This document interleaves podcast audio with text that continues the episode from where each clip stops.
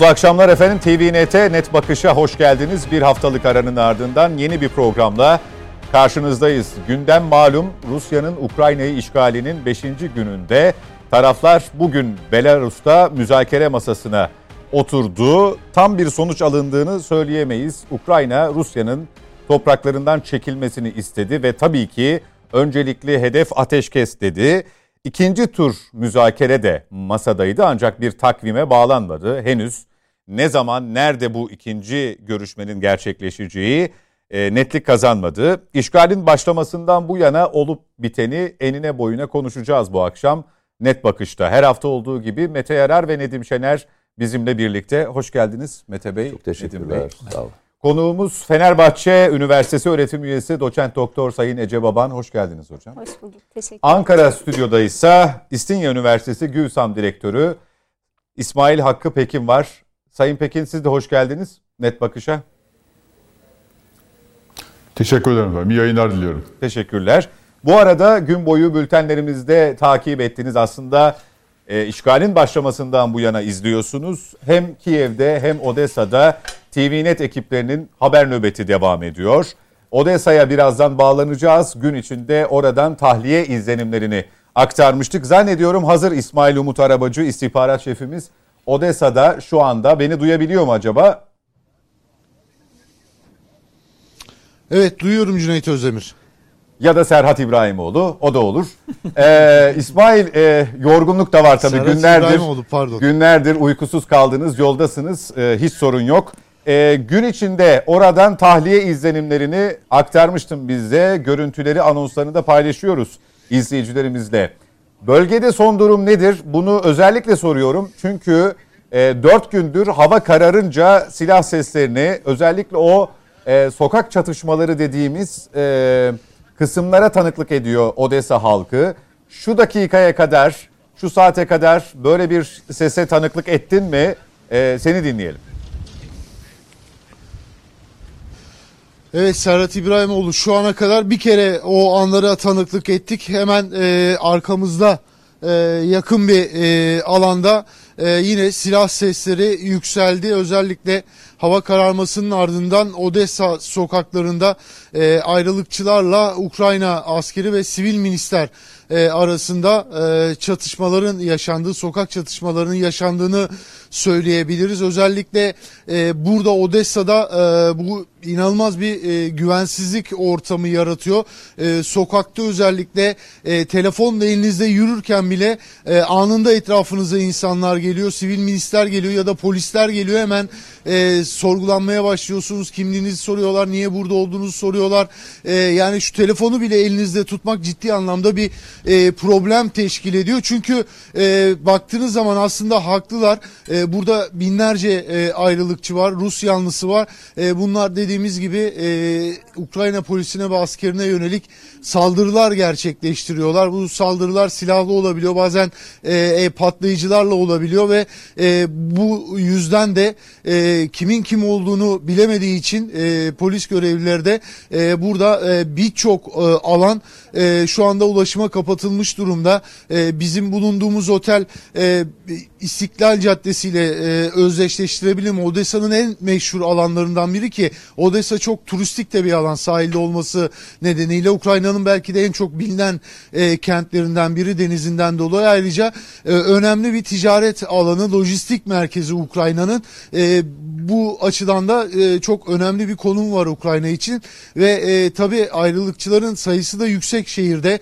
E, Rusya'dan ayrıldıklarından beri buradalar ve e, özellikle e, o e, vasıftaki insanların e, Ukraynalı ormanlarına rağmen çok e, ayrıcılıkları da ayrıcalıkları da var Serhat İbrahimoğlu. Çünkü e, Rusya'dan ciddi anlamda maddi ve manevi destek alıyorlar. Yani adeta ayrı bir sınıf gibi e, o insanlar ve e, böyle kritik durumlarda e, bunu birçok ülkede de görebiliriz. Kazakistan'da görebiliriz, Özbekistan'da görebiliriz, birçok alanda görebiliriz. Anında Rusya adına birçok e, faaliyette bulunuyorlar. Bu da tabii buradaki güvenlik güçlerini ciddi ciddi anlamda zora sokuyor. Onlar da işte birçok caddeyi kum torbalarıyla kapatarak e, trafiğe kapatıyorlar.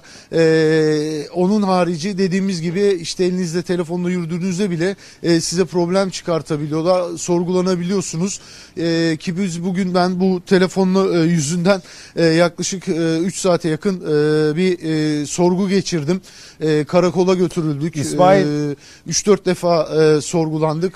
Ciddi anlamda zor anlar yaşadık. E, bunu zannediyorum sınırı geçerken yaşadığın izleyicilerimizle e, paylaşacağım bölümler vardır. Belki e, paylaşmaman gereken de kısımlar vardır. Hali hazırda orada görevinizi sürdürüyorsunuz çünkü.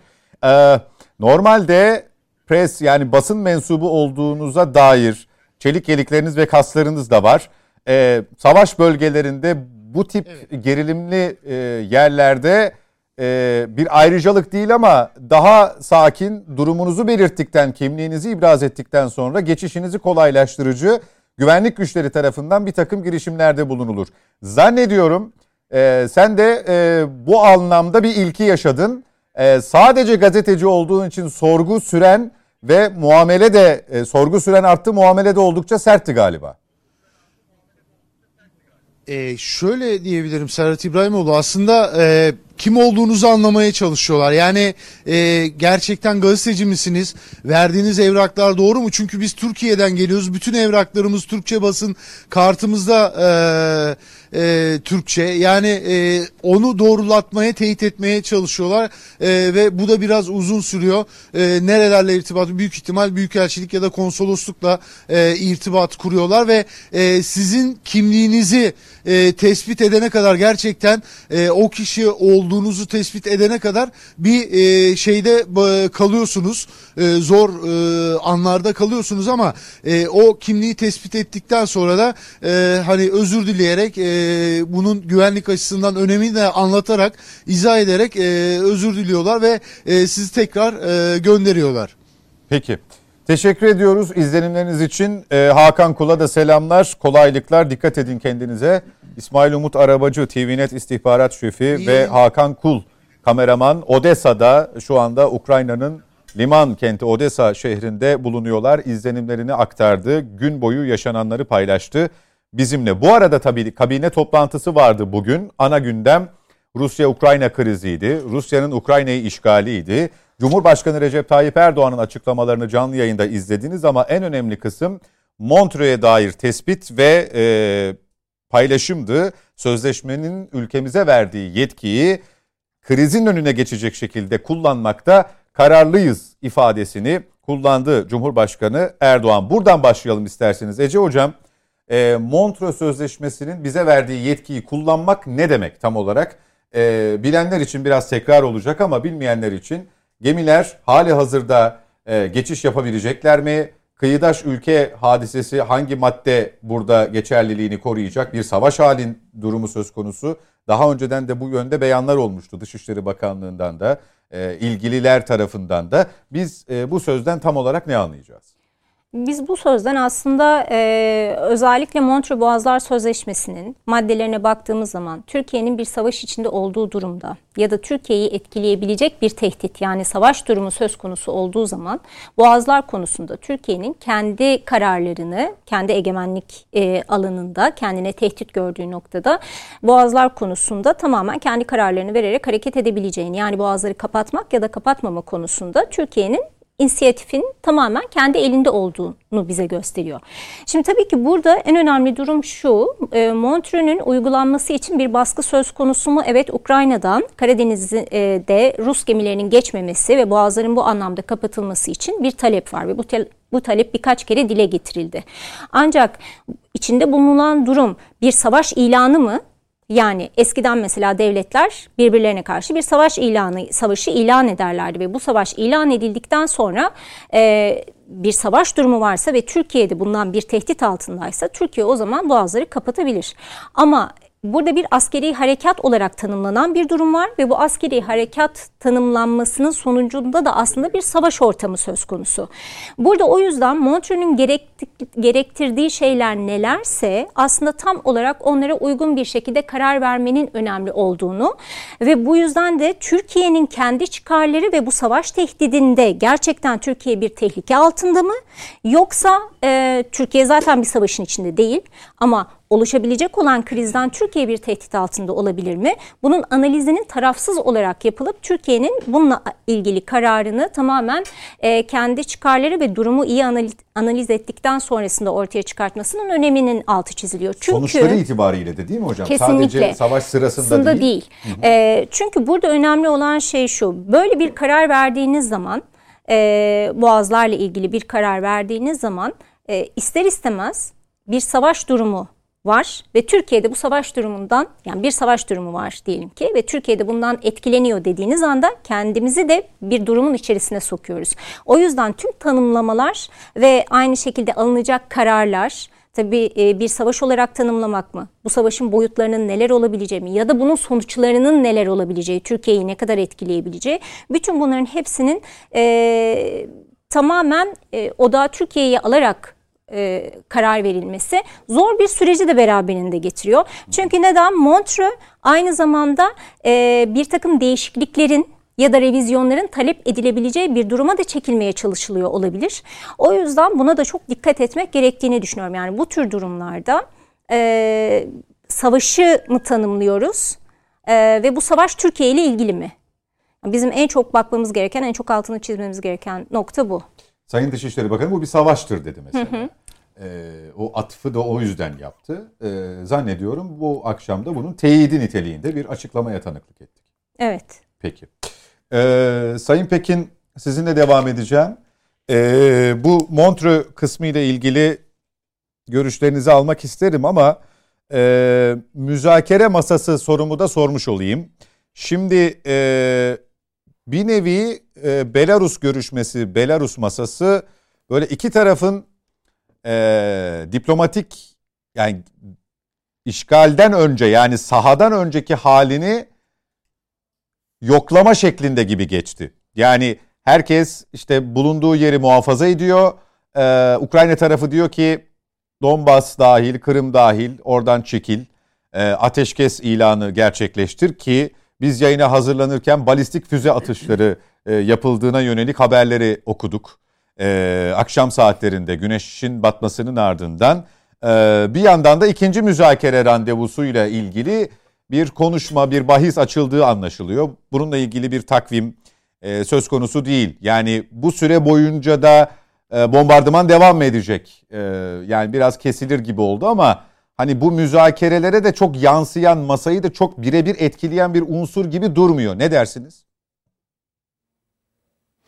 Yani şöyle söyleyeyim tabii e, bu konuyla ilgili daha sonra da e, şeyle ilgili e, Boğazdağ Sözleşmesi ile ilgili birkaç şey söylemek isterim. E, öncelikle e, bu e, şey talebi e, dünya kamuoyunun sıkıştırması sonucu işte gidin e, oturun konuşun diye oradan geldi. E, öncelikle de şeyden geldi e, bu talep. E, Zelenski'den geldi savaşın durdurulması ile ilgili.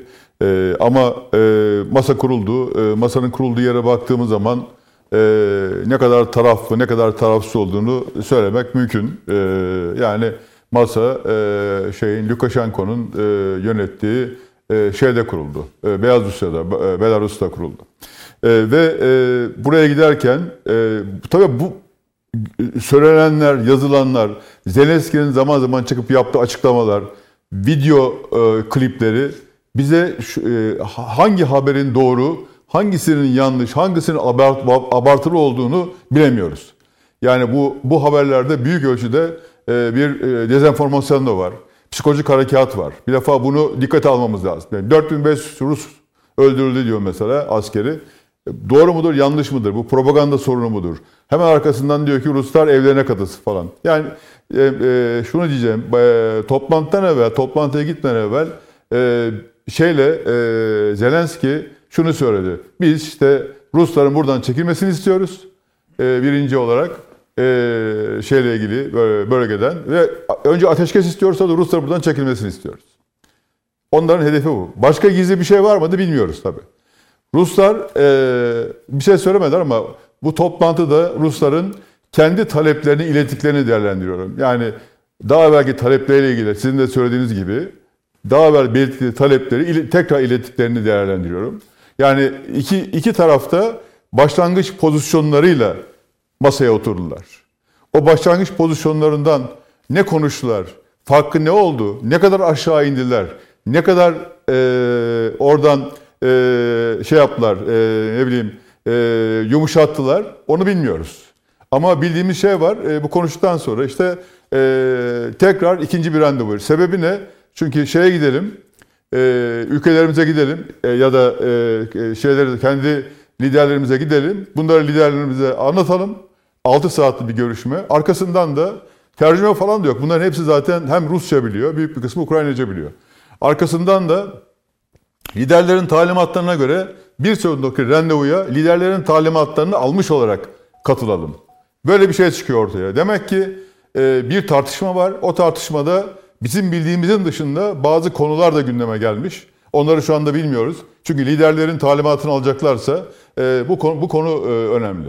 Tabii e, Rusya'nın e, durumuna baktığımız zaman e, büyük ölçüde şey yok. E, yani geri çekilme gibi bir niyetleri yok. E, bırakma diye bir niyetleri yok. Ateşkes konusu olabilir belki. insani şey, şeylerle olabilir. E, şey tabii daha fazla sıkışmış durumda. E, Zelenski daha ne kadar kalabilir? Şeye bağlı biraz. Avrupa'nın yapmış olduğu yardıma bağlı bu konu. Biraz sonra yine gireceğim, gir- anlatırız. Yani Rusya'nın bölgeden çekilmesi demek, Rusya'nın e, her şeyi kaybetmesi, Uralların e, doğusuna falan geçmesi demek. Yani Rusya'nın e, ufalması demek, küçülmesi demek. Rusya içerisindeki çok sayıda etnik grubun Rusya'dan ayrılması demek. Rusya e, böyle bir şeyi yaparsa e, yani Rusya'nın sonu gelir. Ve bunu e, işte Putin e, o gelen tehlikeye karşı tedbir için şeyi bile e, alarma geçirdi biliyorsun. Nükleer silahları bile alarma geçirdi.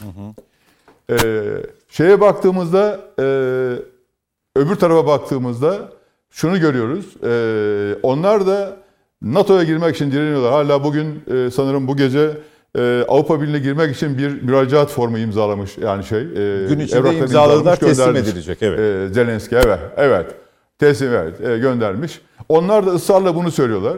E, Amerika ve şeyde e, NATO'da Avrupa devletleri de yardıma devam ediyorlar. Ne silah yardımı yapıyorlar devamlı. E, yangına körükle gidiyorlar ve sonuçta sonuçta orada e, 40 milyonluk e, şeyi e, ülkeyi e, şeyle savaştırıyorlar. E, Rusya'yla savaştırıyorlar. Yani onların da bu işin içinden çıkması mümkün değil.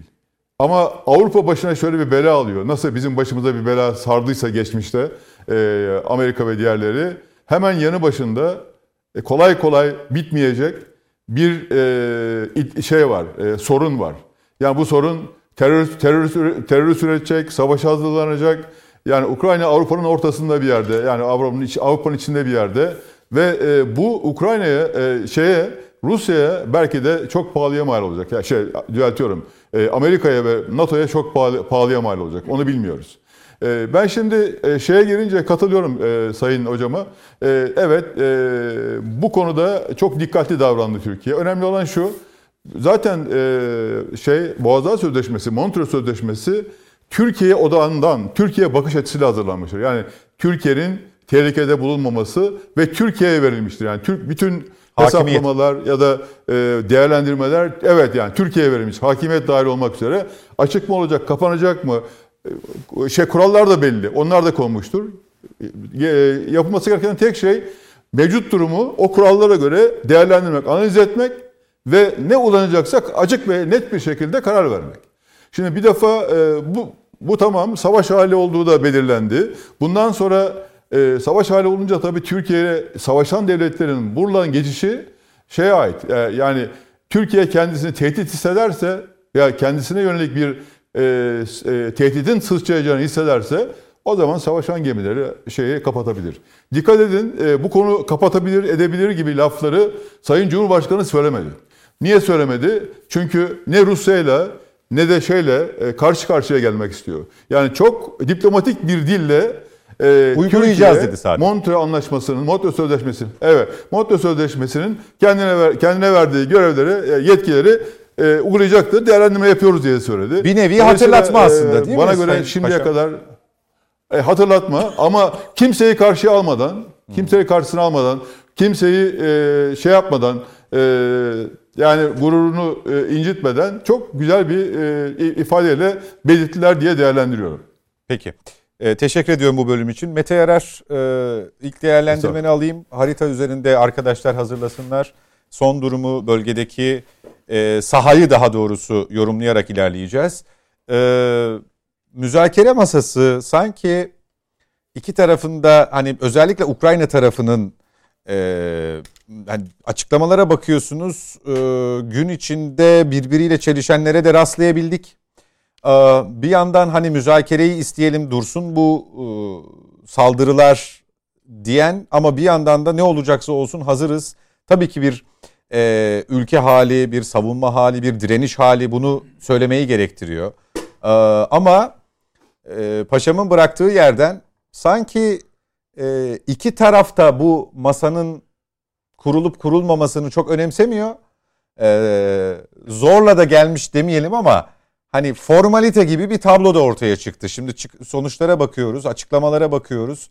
Hani ateşkese dair bir e, ima yok, belirti yok. E, ikinci müzakere deniyor ama müzakere aralarında ateşkes olacak mı? Olmadığını görüyoruz sahada. E, ki sahada durum gün geçtikçe zorlaşıyor da herhalde. Öyle değil mi?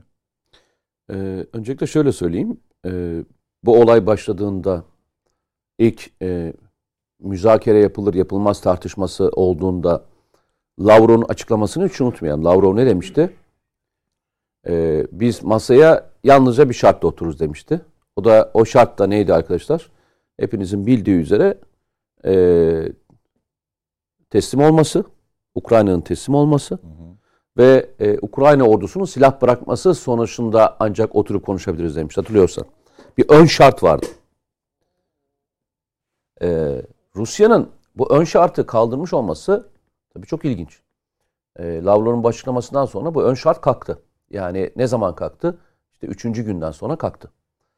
E, ve arkasından e, Belarus mu olacak, olmayacak mı tartışması e, gündeme geldi. Aslında e, tartışmanın yerine baktığınızda e, normalde çok da doğru bir yer seçilmedi ben söyleyeyim. Çünkü savaşın taraflarından olan bir yerde toplantı yapıldı. Belarus e, üzerinden e, Kiev'e giriliyor şu anda. Normalde bu tür e, tartışmaların veya bu tür konuşmaların olduğu yer e, çoğunlukla üçüncü bir ülkedir veya tartış bu olayın içinde, savaşın içinde tarafsız kalan bir bölgede yaparsınız. Ee, Ukrayna bunu ısrar etti önce. Yani Belarus haricinde başka bir yerde görüşüyorsun dedi. Ee, orada şey geri adım atmadı. Rusya geri adım atmadı. Ve masayı deviren taraf olmamak adına normalde gidilmemesi gereken bir yere e, Ukrayna gitti. Ukrayna şunu biliyor. Bakın e, şu andaki tabloya Belarus için söylüyorsun. Müzakere masasına gidilmemesi hususu. e, yani Belarus olmamalıydı. Hmm. Ama masayı devirmemek Ülkeye adına kuzeyden girilen yer olmamalıydı yani diyorsun bir başka deyişle. E, şimdi siz başka bir ülkenin topraklarından başka bir ülkeye giriyorsanız o ülke topraklarında e, görüşme Müzakere yapmaz, yapamaz. müzakere yapmazsınız. Etik olarak en azından. Yani yani güvenlik anlamında da olmaz. E, bir defa e, teslimiyet anlamında oraya gidiyorsunuz. Siz teslimiyet anlamında başka bir ülkeye gidiyorsunuz. Çoğunlukla bu tür görüşmeler teslimiyet esnasında gidip o ülkede yapılır. Yani savaşan tarafın ülke topraklarında yapılır çoğunlukla. O duruma düşmek istemediler ama baktılar ki yani e, Rusya orada o tarafa doğru çekmek istiyor. E, ondan kaçınmak adına e, bu tabloyu verdiler. Bu e, şeyi kabul ettiler. E, 1-0 yenilgiyi kabul ettiler. Ama şunu söyleyelim. Bugün itibariyle bu işin müzakeresini tartışalım. Diyelim ki müzakere kabul edildi ve müzakerenin sonunda bu işten çıkıldı. Yani barış e, oldu. Barış mı olacak yoksa bu işin sonunda bir ateşkes mi olacak? Bu işin iki tane yolu var. Ateşkes olabilir. Ateşkesle beraber şu andaki bulunan mevzilerinden kendi topraklarına çekilebilir. Ama bu Kırım'ın ve Donetsk bölgesi ve Luhansk bölgesinin pozisyonunu değiştirmez. Yani Rusya mevzilerine geri döner. Ukrayna bunu kabul eder mi, etmez mi hikayesi de tamamen bu savaşın içindeki Ukrayna'nın Rusya'ya aldığı pozisyonla ilgili olacak. Eğer Ukrayna her geçen günün kendisine zaman kazandırdığını inanırsa ateşkesi istemeyebilir. Farkındaysanız e, Rusya gittikçe artan bir şekilde daha ağır konvansiyonel silahlar kullanmaya başladı. Başlangıçta kullandığı silahlarla bugün kullandığı silahların çapına, kullanılan yerlere baktığınızda daha şiddetli bir bombardımana doğru geçildiğini, şehirlerin bombalanma safhasına geçildiğini görüyoruz. Bu da ne için kaynaklanıyor? Ukrayna'yı diz çöktürüp bu ikinci kazanımın kazanımdan vazgeçirmek. Çünkü Ukrayna için zaman lehte çalışıyor. Verilen silah miktarı verilen Lehte mi çalışıyor? Zaman Ukrayna için lehte. Hmm. Lehinde. Aleyhinde değil. Zaman Ukrayna'nın lehine şu anda. Neden? Çünkü Rusya şu anda savaşın içerisinde pozisyon itibariyle kaybediyor. İki, Rusya'nın etrafında oluşan baskının şiddeti artıyor. Üçüncüsü Ukrayna'ya destek artıyor. Bunların üçü de şu anda şeyin lehine. Ukrayna'nın lehine. Zaman lehine. Anladım. Tam anlaşılmayan şey. Yo yo ben Yok yani sen yani yani ben belki yanlış anlattım hiç Yok, kimse ben anlamamış olabilir. saha itibariyle hani e, bir yandan da ilerliyorlar ya hani Ya şimdi işte e, harabiyet artıyor vesaire noktasından. Şimdi düşün- şöyle şu tabloya baktığında birazdan kalktığımızda göstereceğiz. Şimdi Rusya gibi bir devletin eee, aşağı yukarı 5. gün değil mi bugün? 5. Evet. gün. 5. gündeki 6. gündeyiz. 6 günde karşısında eee, ordu olarak, yapı olarak, işte eee, hava gücü olarak değerlendirdiğimizde bu tablonun böyle olmasını mı beklerdin? Daha hızlı ilerlemesini mi beklerdin? daha hızlı. daha hızlı demek beklerdi. Bunun sebeplerini Sayın Komutanım da ben de birazdan anlatırız. Yani ne olduğu, ne gördük 5 günde saha değerlendirmesini yapmak da bence çok önemli. Peki Onları yapalım yavaş konuştuğumuzda yavaş onu gideriz. istersen. Söylüyorum zaman tamamen Ukrayna'nın lehine çalışıyor şu anda. Çünkü kayıplar arttıkça Rusya'nın içine de başlayacak. Ekonomik olarak sıkıntılar arttıkça Rusya'nın içine de problemler başlayacak. Bakın şu anda e, Rusya hayatında olmadığı kadar Avrupa Birliği'ni ve NATO'yu birleştirmiş durumda. Bu savaş başladığı gün beraber istersen şurada bir tam oraya gelerek başlayayım. Ee, bu bu soruna bir şey bir bir, bir yo yo kalkabilirsin sen. Ha. Ee, Avrupa Birliği ve NATO'yu birleştirme. Amerika Şimdi onu söyleyeceğim. Heh. Tam, tam oraya geleceğim. Şimdi e, Amerika Birleşik Devletleri Avrupa'yı Rusya'ya ambargolarla ilgili ikna etmekte zorlandığı bir yerde öyle bir altın tepside şey sundu ki Avrupa Birliği'nin eline kozu verdi ki ABD'ye. Şu anda ABD Avrupa'dan alamadığı Rusya ile ilgili bütün kozları almış durumda. Neydi bu kozlar? Diyordu ki Rusya'ya karşı savunma harcamalarınızı arttırın. Almanya diyordu ki yok kardeşim ben hayatımdan memnunum. Kuzey yakımı kapatın. Ben ya hayatımdan memnunum. Enerji, ticaret, micaret diyordu. İşte e, sivit yok efendim bankalara yasaklar. Ambargoyu arttırın. Enerji almayın. Şu ana kadar ABD'nin geçmişte söyleyip de kabul ettiremediği her şey şu anda Avrupa Birliği dahil G7 dahil kabul etmiş durumda. Bu ABD'nin hayal edebileceği bir şey miydi? Yok. Düşünsene bu savaş başladığında hepimizin işte e, sen de buradaysın hepimiz buradaydık konuşuyorduk tartışıyorduk. Diyorduk ki ya şu anda Putin yani bu savaşın neredeyse kazananı. Hatırlarsan başlangıç öyle değil miydi? Yığınaklanmasını yapmış. NATO bu şartlarda Ukrayna'yı almayacağını söylemiş. E, Donbas bölgesinin bağımsızlığını almış. E, zaten Kırım'ı ilhak etmiş ve ezici bir üstünlükle ordusunun karşısında bir şey yapmayacağını söyleyen bir Ukrayna var. E, arkadaş zaten alabileceğin her şeyi almışsın. NATO karşında e, çok da fazlasıyla bir hareket yapamamış. itibar anlamında sarsmışsın NATO'yu. Avrupa Birliği ekonomik olarak, enerji olarak çok da fazla bu işe girmeyeceğim demiş. Avrupa Birliği'nde o dağınıklığı görmüşsün. Ya bir ins yani bundan sonra bir şey yapmasına gerek yoktu. Bizim hepimizin yanıldığı nokta zaten savaş bitmişti. Savaş bitmişti yani. Bir insanın yani şimdi insan niye savaşa gider? Niye asker harekat yapar? Niye böyle bir şey yapar? Siyasi, ekonomik hedeflerin olması lazım. Siyasi hedeflerin tamamına neredeyse ulaşmıştır şey. Bir tek garantiler kalmıştı. O da diyorduk ki sürdürülebilir bir baskıyla bu siyasi hedefleri de alabilir. Ne yaptı? Gerçekten e, ilk defa e, istihbaratın verdiği raporlar doğru çıktı. İlk defa Amerikan ve İngiliz istihbaratı şu bölgelerden, bu bölgeden, bu bölgeden ve şuradan ve Kırım üzerinden girilecek denilen her yerden girdi.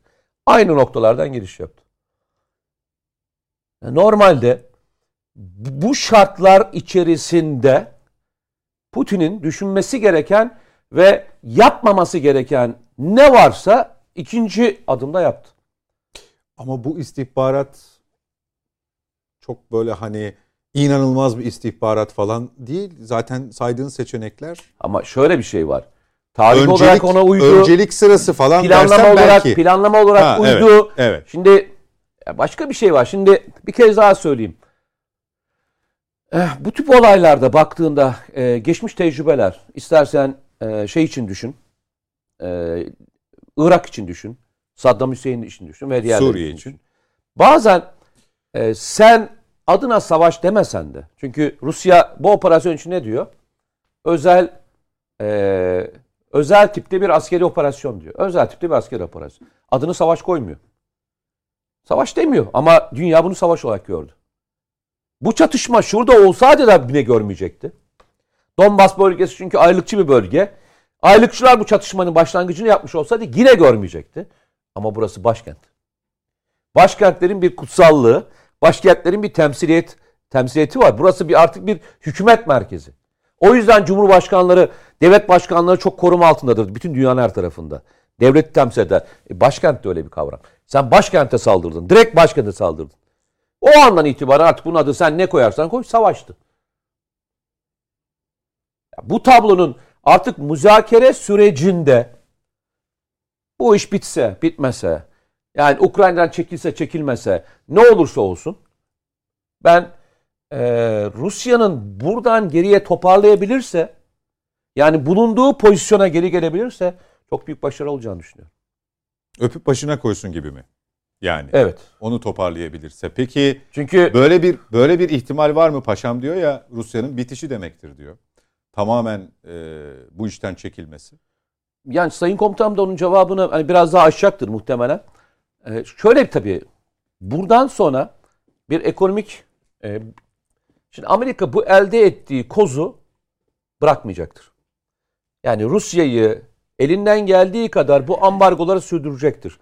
Hatta e, karşı blokun gücünü arttırmak için devam edecektir. Belki Finlandiya'yı da işin içine katacak. Belki İsveç'i de katacak, NATO'nun içine alacak. Birçok e, şey denge değişecek. Ve bu dengelerin değişmesi sırasında ne yaşanacağını artık bilmiyoruz. Ben geçen gün e, Cuma günüydü galiba savaşın ilk başladıktan sonraki e, programda şöyle bir şey söyledim. Ben yine aynı yerdeyim. Ben normalde bir askeri harekatı veya bir e, işte ne diyeyim siyasi bir olayı değerlendirirken bir mantık silsilem var. Bu hedeflerin ne olacağı ile ilgili, neyi amaçladıkları ile ilgili bir mantıkla e, arka arkaya koyarım. Nereye doğru gideceğini söylerim. Ben açıkçası Putin'in Kiev'e Kiev'e yaptığı ve daha doğrusu bütün Ukrayna'ya yaptığı bu harekat sonrasında ben ne yapacağını artık şey yapamıyorum. Karar veremiyorum. Çünkü bu zaten onun yapmaması gereken bir hareketti. Yaptığı andan itibaren e, olay nereye gider bilemiyorum. Sayın komutanım herhalde geçen gün bir televizyon programında söylemiş. E, hani ben savaşın çıkacağını bile düşünmüyordum. Gerçekten hani savaş demeyeyim ama bu kadar büyüyeceğini düşünmüyorduk diyelim hep beraber. E, ama bundan sonra e, Üçüncü Dünya Savaşı'na bile gidebilir. E, bir tabiri kullanmış Sayın komutanım. Evet ben de aynı şeyi söylüyorum. Bu anlamda senin çizdiğin çerçevede bu istihbarat hadisesi Kiev ve e, girerek e, hani o başkente girerek mi e, kendini kurtarmaya çalıştı Putin? Şimdi birazdan onun bütün sahadaki verilerini konuşalım. O Yani zaman netleştiririz. Kiev, e, Rusya'nın e, Putin'in önünde Kiev maddesi hiç yoktu. Yok senin- baştan yani şu anda var. Hayır şu anda var. İlk etapta yoktu. Hani geçen hafta da konuşmuştuk ya. Evet. Donbas'tan ilerleyecek bir yerde bir korku salacak. Zaten müzakere masası kurulmuş olacak gibi bir öngörümüz söz konusuydu. Herkesi şaşırttı ama bütün bu istihbari çalışmanın vesairenin farkına geç vardı. Ben şaşırtmayı Kiev'le yapayım dedi. Ben Ama bu başına- sefer bunun sonuçlarını düşünemedi. Ben başına bir şey söyledim. Yine aynı şeyi söyleyeceğim. Ee, başka bir şey daha var. Bu olay başladığında e, bir askeri değerlendirme yapmıştım.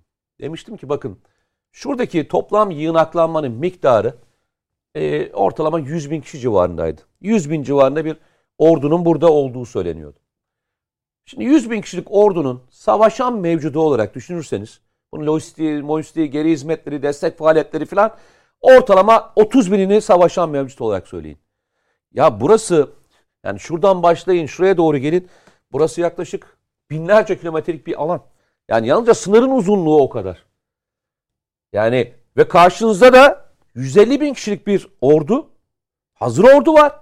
Bunun milislerini saymıyorum. Bir de üstüne üstlük bir de başka bir şey daha var. Ya adamlar hazırlık yapıyorlar diyor aylardan beri. Bu iş için hazırlık yapıyorlar.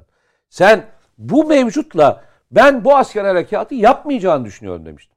Çünkü hava gücü olarak ezersiniz, hava gücü olarak zorlarsınız, füzelerle vurursunuz ama buradaki mevcut böyle bir, geniş bir harekat için yetmez diyordum. Yetmediğini gördük. Ve meskun mahal. Meskun mahalle giremediler daha. Yani Harkov, bakın Harkov 40 kilometre mesafede. Şuraya. Ve Harkov'un neredeyse büyük bir çoğunluğu Rus kökenli. Harkov'a giremediler. Öyle düşün. Yani burası yanlış hatırlamıyorsam e, Kiev'den sonra ikinci büyük kent diye biliyorum ben. Şeyin e, Ukrayna'nın Ukrayna'daki ikinci büyük kent diye biliyorum. Öyle diye biliyorum. Şimdi düşün. Evet, evet. Böyle bir yere giremediler. Sen buraya giremezsen Kiev başkent. buraya girmek kolay mıdır? Kolay mıdır yani? Peki. Geçelim yavaş yavaş. Ee, tekrar icap ederse kalkarız. Anlatımı yaparız harita üzerinde. Ee,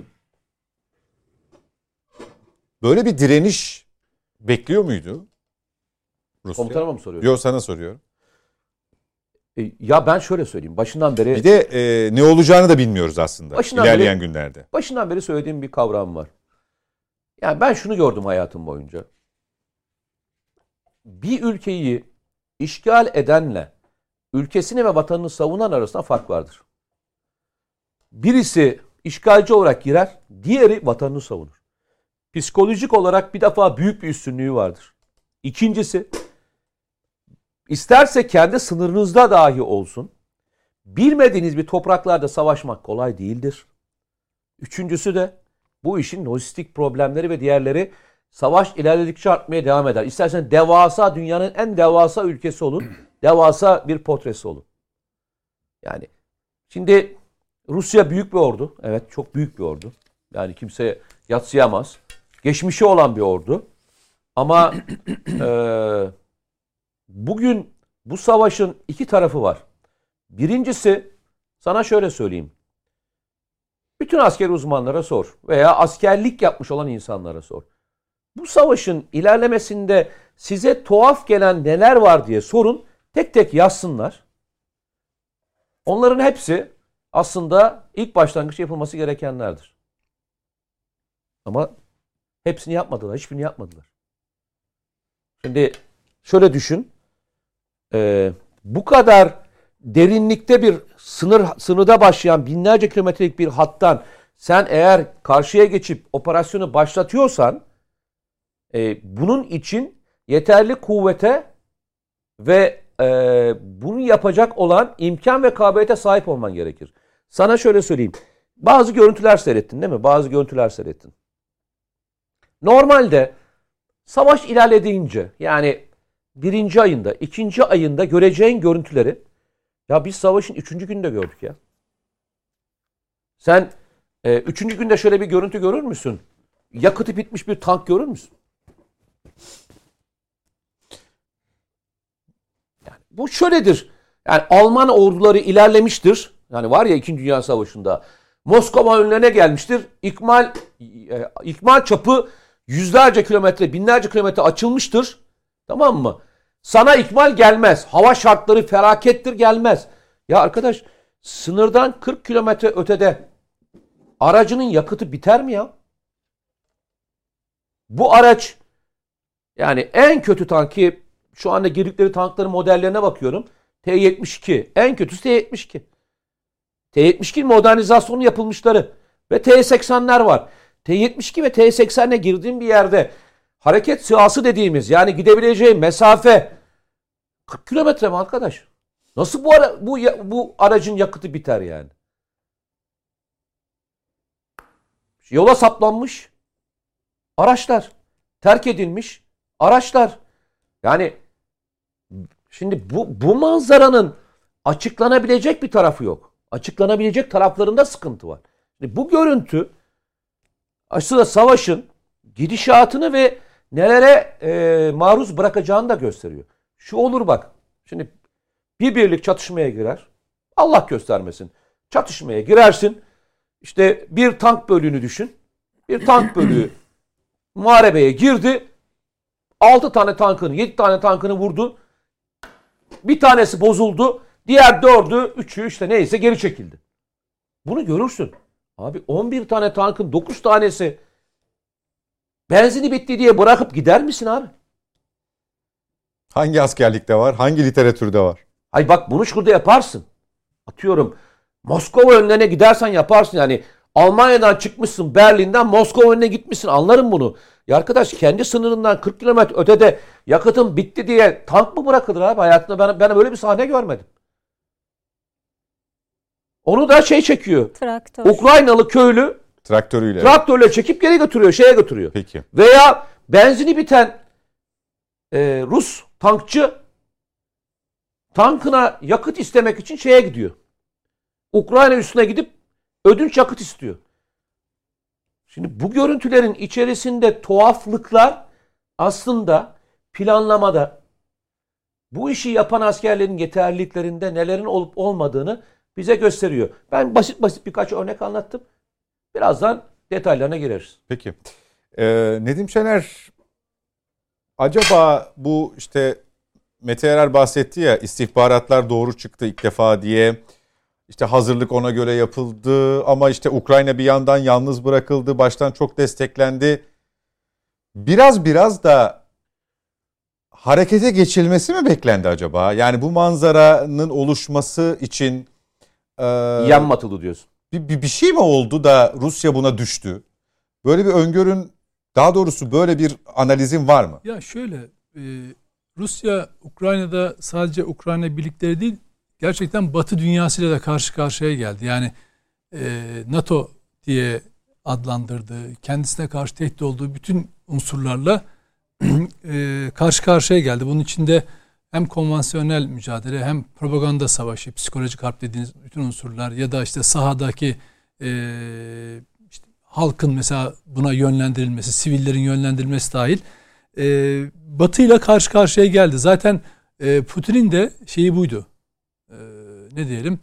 Korktuğu mu diyelim ya da kötü senaryosu buydu aslında. Hani Ukrayna belki küçük şey e, ne der kolay bir yem gibi Lokma düşündü, gibi, evet. lokma gibi düşündü. Ama zaten e, o istihbaratları paylaşan gerek İngilizler olsun, gerek diğer batılı ülkeler oraya belli bir yığınak yapmışlardı.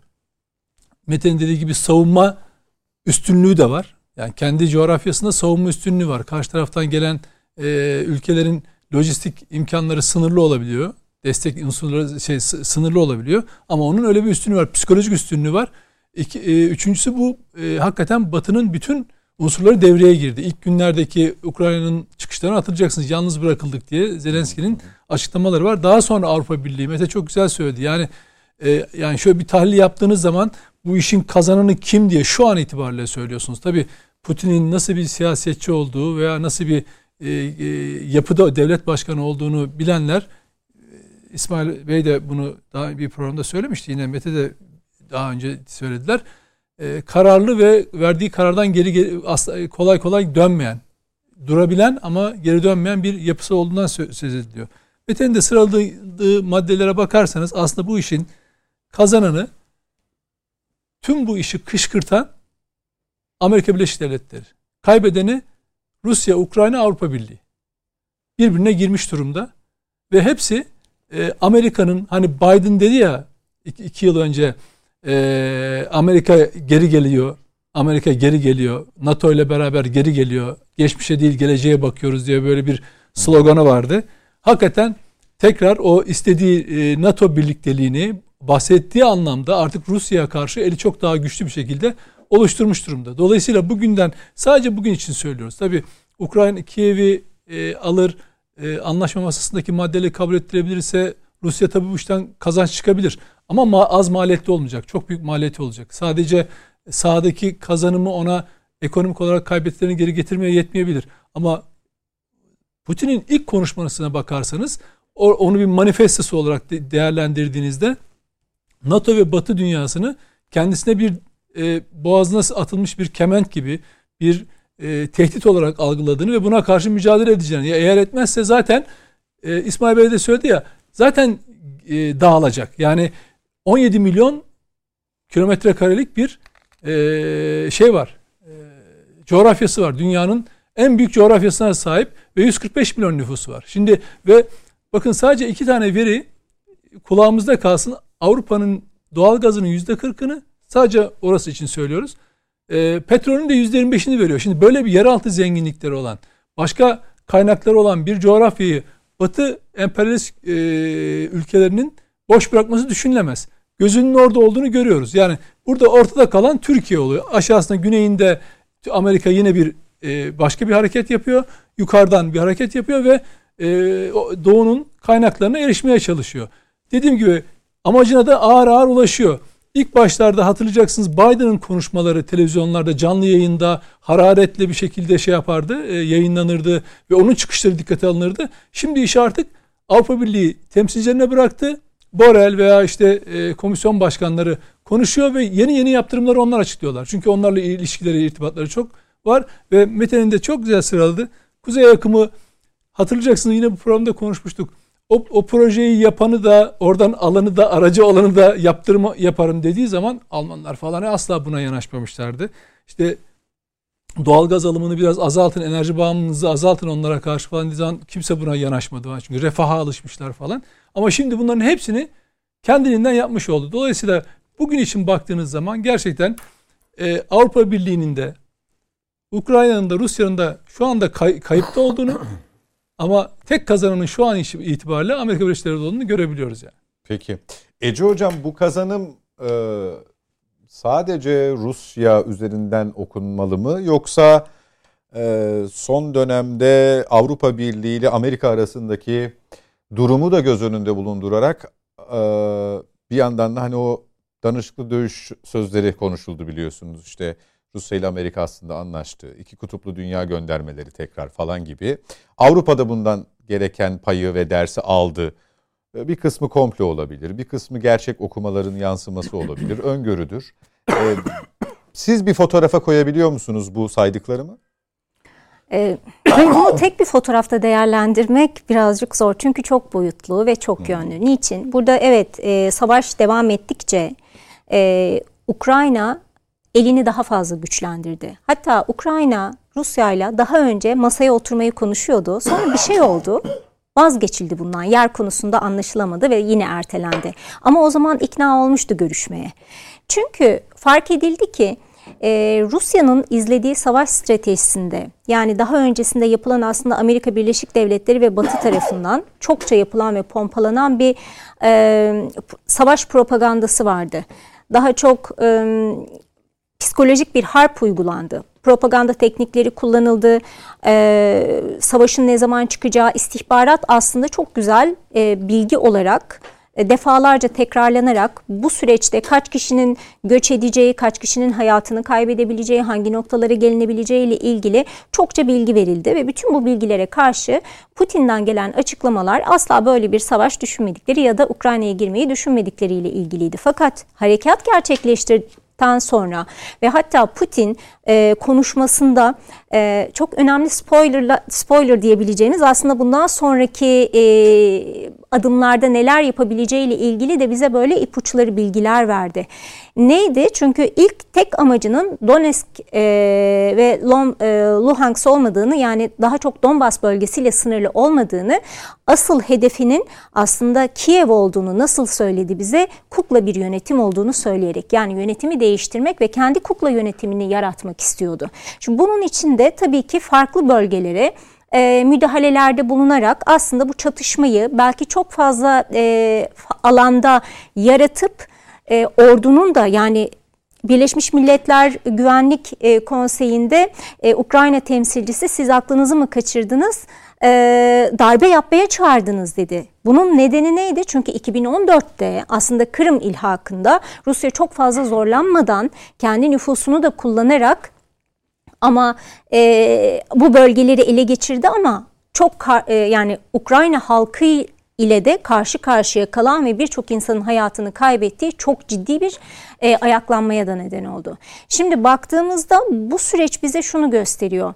E, Putin'in hesapları dünya kamuoyunun ve aynı zamanda Avrupa devletlerinin ve Amerika Birleşik Devletleri'nin verdiği tepkilerle aslında e, umduğu gibi gitmedi. Ve zaman geçtikçe Rusya'ya uygulanan ekonomik yaptırımlar sadece Rusya'nın elini kolunu bağlamadı, Rusya'daki oligarklarla Putin'i karşı karşıya getirdi. Rusya'nın içerisinde savaş karşıtı olan insanlar Zelenski'nin de aslında söylemleriyle ve, dünya kamuoyunun da Rusya'ya karşı aldığı tavırla yani bunlar nedir? Rus mallarını mesela satmama kararı aldılar. Ya da e, Rusya'ya gelen ekonomik yaptırımlar dışında insanlar farklı bölgelerde bu savaşa karşı olarak pankart açtılar, sokaklara çıktılar. Devrimi daha yeni yaşamış olan bir ülkede henüz bu ruh ölmemişken bu insanlar hala hayattayken yani özgürlük isteyen, Batı ile ilişkileri geliştirmek isteyen bir halk kitlesi de var. Ve Zelenski halkın seçtiği bir lider.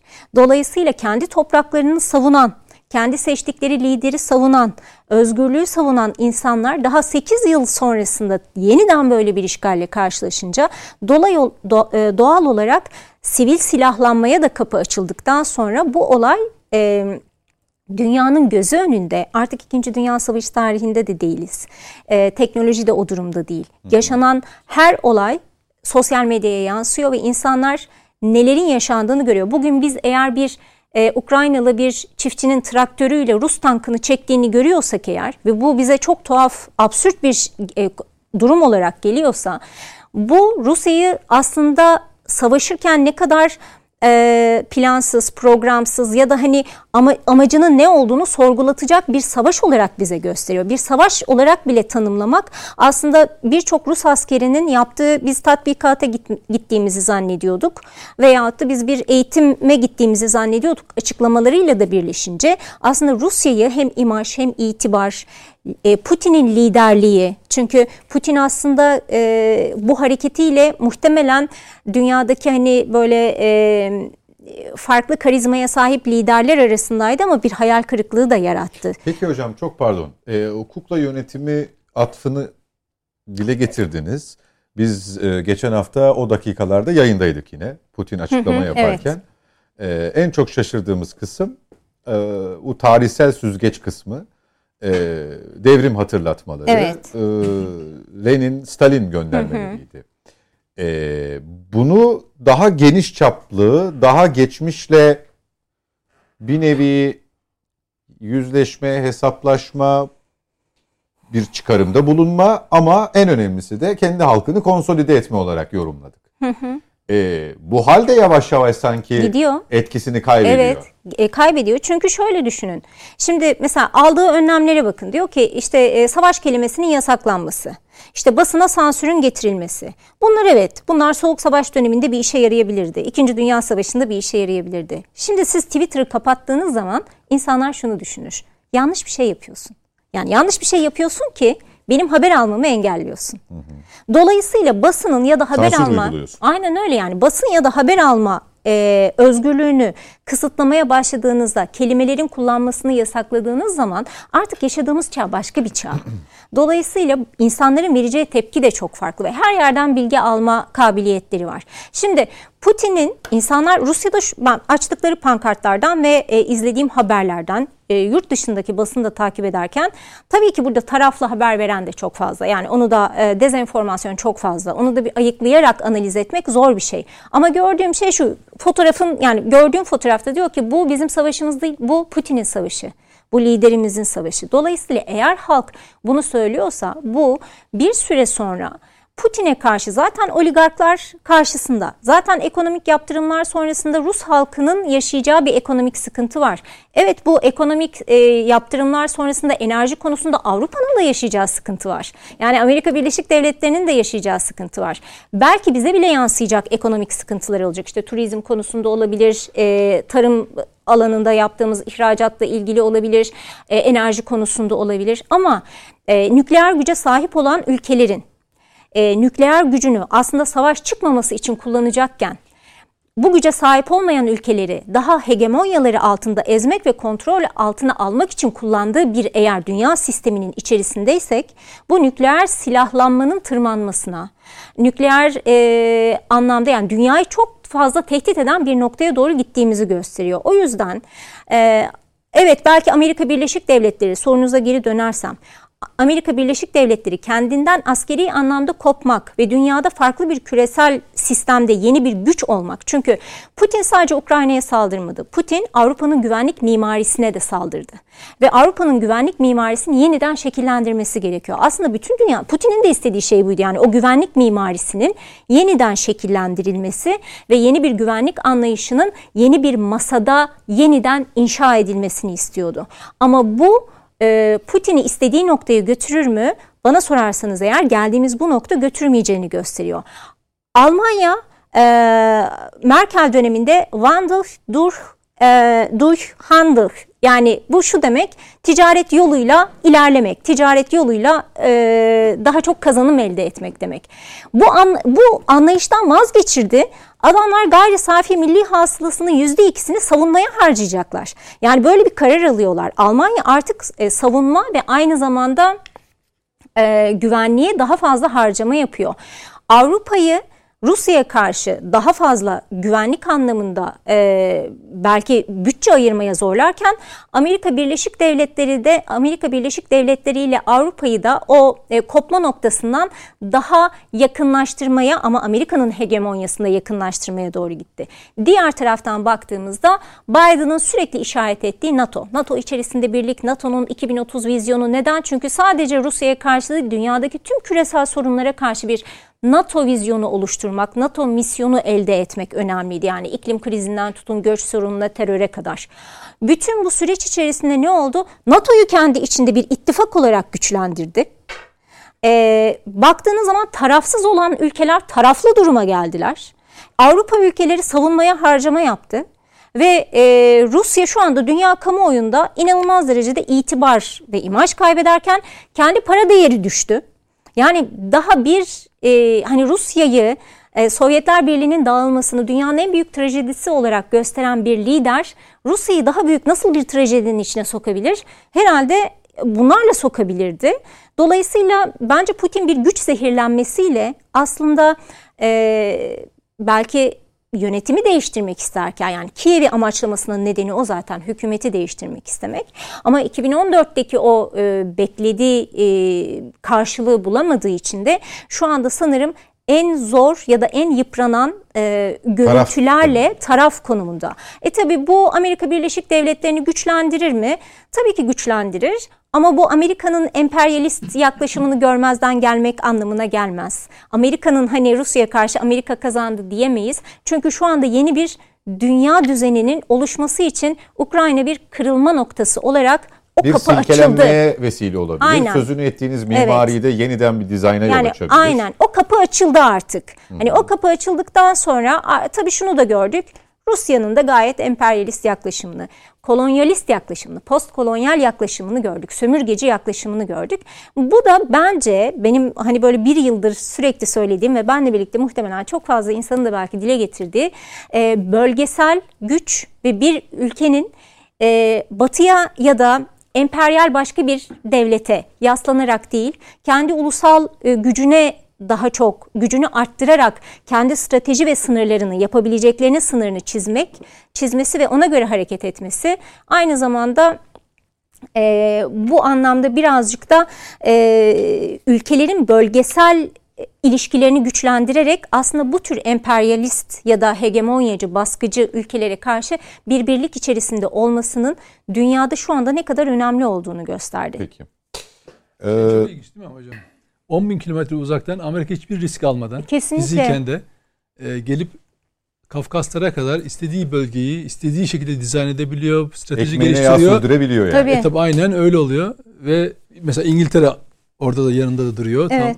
Tam e, denizin ortasında bir ada devleti ve geri dünyanın geri kalanı kan ve gözyaşı içinde. İşte dünyanın o Hepsini- geri kalanının gerçekten bir farkındalıkla güçlerini Bu da birleştirmesi çok zor. gerekiyor. Kafanızı kaldırmaya kalktığınız anda zaten Aynen öyle. bütün sistem üstünüze çullanıyor Evet. yani. Ve- Peki. Ve burada ilginç olan şu oldu.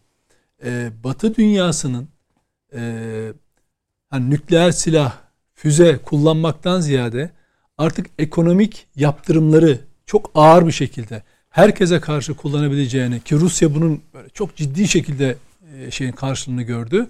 E, ve bunun karşısında kolay kolay di- direnemezsiniz. Yani şöyle düşünün. Füzelere karşı hatta işgale karşı bile ulusça dire- direnebilirsiniz.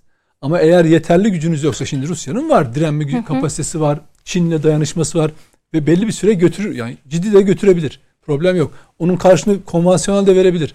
Ama eğer ekonominiz zayıfsa, eğer e, dış etkilere çok açıksanız, içeride bir de beşinci kol faaliyeti varsa var ya, dumanı dumanını attırırlar. Yani bu yaptırım modeliyle yani bu mücadele Batı'nın yeni geliştirdiği bu konsepte, bu ekonomik yaptırım e, modeliyle ki bunu Amerika başlattı. Ki Türkiye'de bu kapsama aldı biliyorsunuz S-400'ler nedeniyle. Dolayısıyla yeni bir mücadele yöntemiyle karşı karşıya dünya. O yüzden eee, biraz hocanın dediği gibi keşke silkinseler ama artık eee, öyle kolay olacağını hiç düşünmüyorum. Eskiden soğuk savaş döneminde en azından yani siz soğuk savaş döneminde bir başka güce e, yakın durabiliyordunuz ama o kapsamı da sistem içine alıyor. Yaptırıma mo- e, içine alabiliyor. Yani mesela İran'la ticaret yapanı da terörist sayarım deyip sizi o kapsamda alıyor. İşte bizim mesela 17-25 Aralık davasını Amerika'ya götürüp yargılamaları bunun bir tipik örneğiydi. Peki. Komutanım eee, şöyle bir soruyla devam etmek istiyorum. Zelenski kim tam olarak? Yani bir komedyen mi? Eee, halkının desteğini arkasında hisseden bir kahraman mı? Eee, neden bu soruyu sorduğumu fark ettiğinizi biliyorum. Eee, çok başka yorumlar da yapılmaya başlandı son zamanlarda. Ukrayna Devlet Başkanı ile ilgili. Evet. Ee, hani neydi ne oldu değil de biraz daha e, güncelden ilerleyerek e, bir okuma yaparsanız e, çok sevinirim. Tabii. Hem de e, biraz sonra da şey yazacağım. Yani hedef neresiydi, neydi, amaç neydi falan onları da belki konuşuruz. Tabii ki. Ben e, önce şunu söylemek istiyorum. Bir platformda oynayan bir film var şu anda. Out- Outside the Wire. Yani e, e, ter engellerinin ya da e, şeyin e, şeyin dışında ko- e, ne diyelim e, kışların dışında gibi bir e, film var. O filmin konusu şeyde geçiyor. 2036, 2036 yılında Balkanlarda ve Doğu Avrupa'da geçiyor. Ee, bir nükleer silahın e, kullanılmasını önlemek üzere birisine görevlendiriyorlar. O e, konuşmadan bir tanesi şöyle. Diyor ki Rusya eski topraklarını geri istiyor.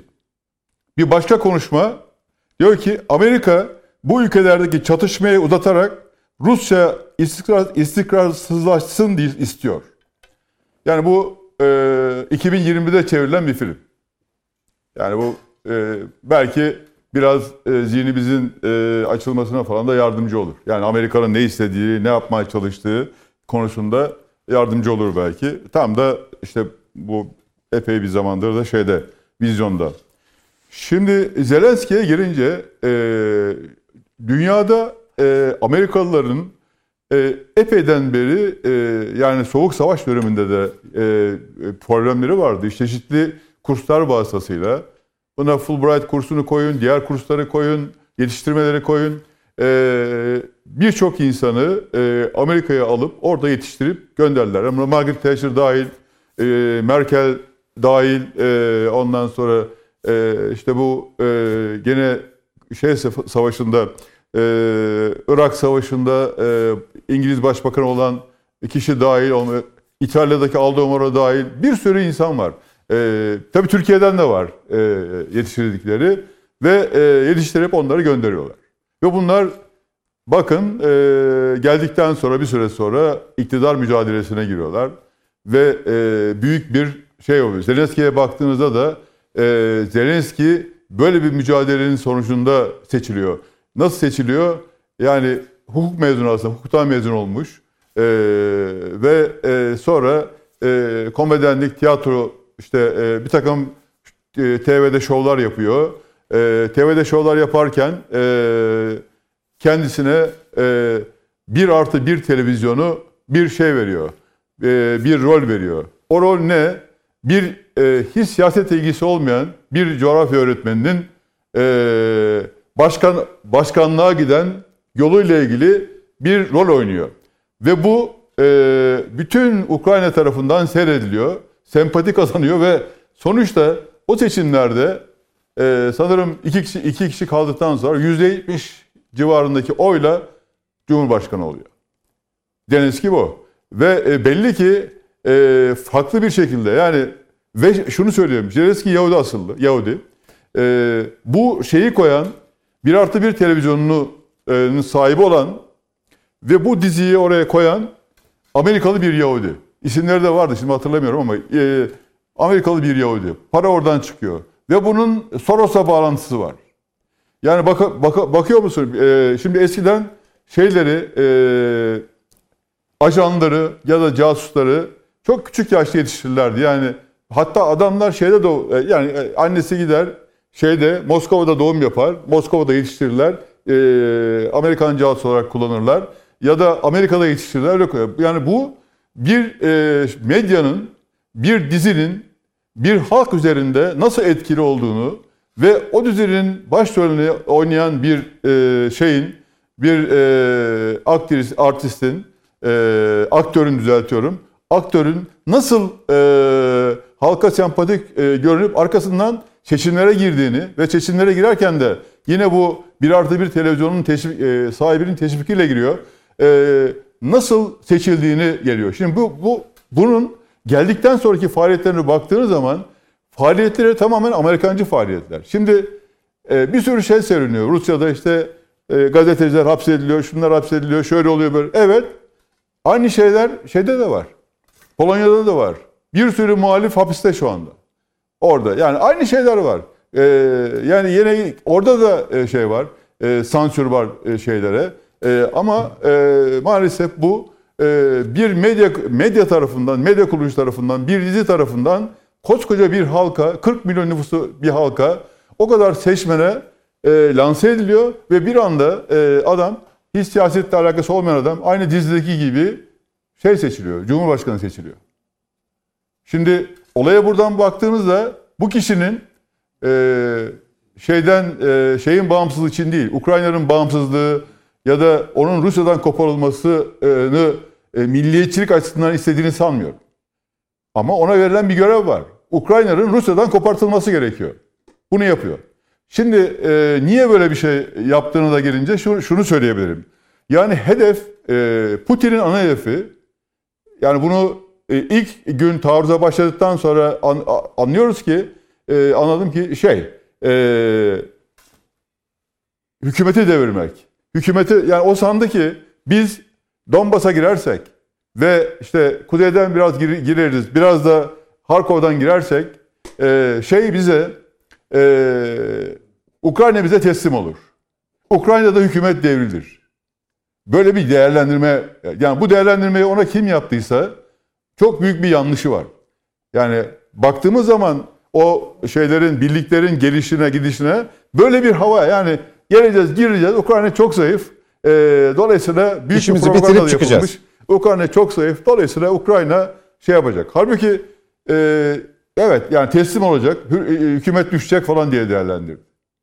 Yani normalde hükümetin düşmesini isteyen ve bir grup e, hükümetin düşmesini isteyen bir siyasi hedef varsa bu siyasi hedefin askeri hedefi başkentin ele geçirilmesi olur. Başkent ele geçirilecekse o zaman hiç Donbass'ta falan uğraşılmaz. Orada küçük güçler bırakılır. Ee, ana güçlerle kuzeyde veyahut da işte kuzeybatıya doğru birlikler getirilir. Oradan Kiev'e girilir. Hiç yani doğrudan direkt Kiev'e girilir. Ee, elinde yeteri kadar zırhlı birlik var. Yani düğmeye bastığı zaman gider. Yani e, ya, tabii e, Met, Sayın Mete Yarar'ın söylediği konular o benzinin bitmesi vesairesi falan bu şeydir. E, yani adam size tekmil verir e, tank şoförü. Komutanım benzin aldın diye almamıştır. Ya da yarım defa benzin almıştır. Ya da dörtte bir defa benzin almıştır. Yani buna biz e, şey diyoruz, sürtünme diyoruz. Yani herkes plan, harekatta herkes plan, planlandığı gibi iş yaparken herkes kendine düşen işi yapmaz. Çünkü sizin verdiğiniz, komutan olarak verdiğiniz karar, başkan olarak verdiğiniz karar ancak bunu uygulayıcılar tarafından uygun şekilde uygulanırsa o zaman bir anlamı ifade eder. Ama birileri uygulamazsa bunu o zaman işte böyle benzin biter. O zaman yarı, yolda kalırsınız. Yani işte, e, çünkü hesap bellidir. Yani o, o tanklarla kaç kilometre gidileceği bellidir. Kaç kilometre gidecekse o tanklarla o zaman geldiğiniz noktada e, bir konaklama olur. Benzin tankerleri oraya gönderilir.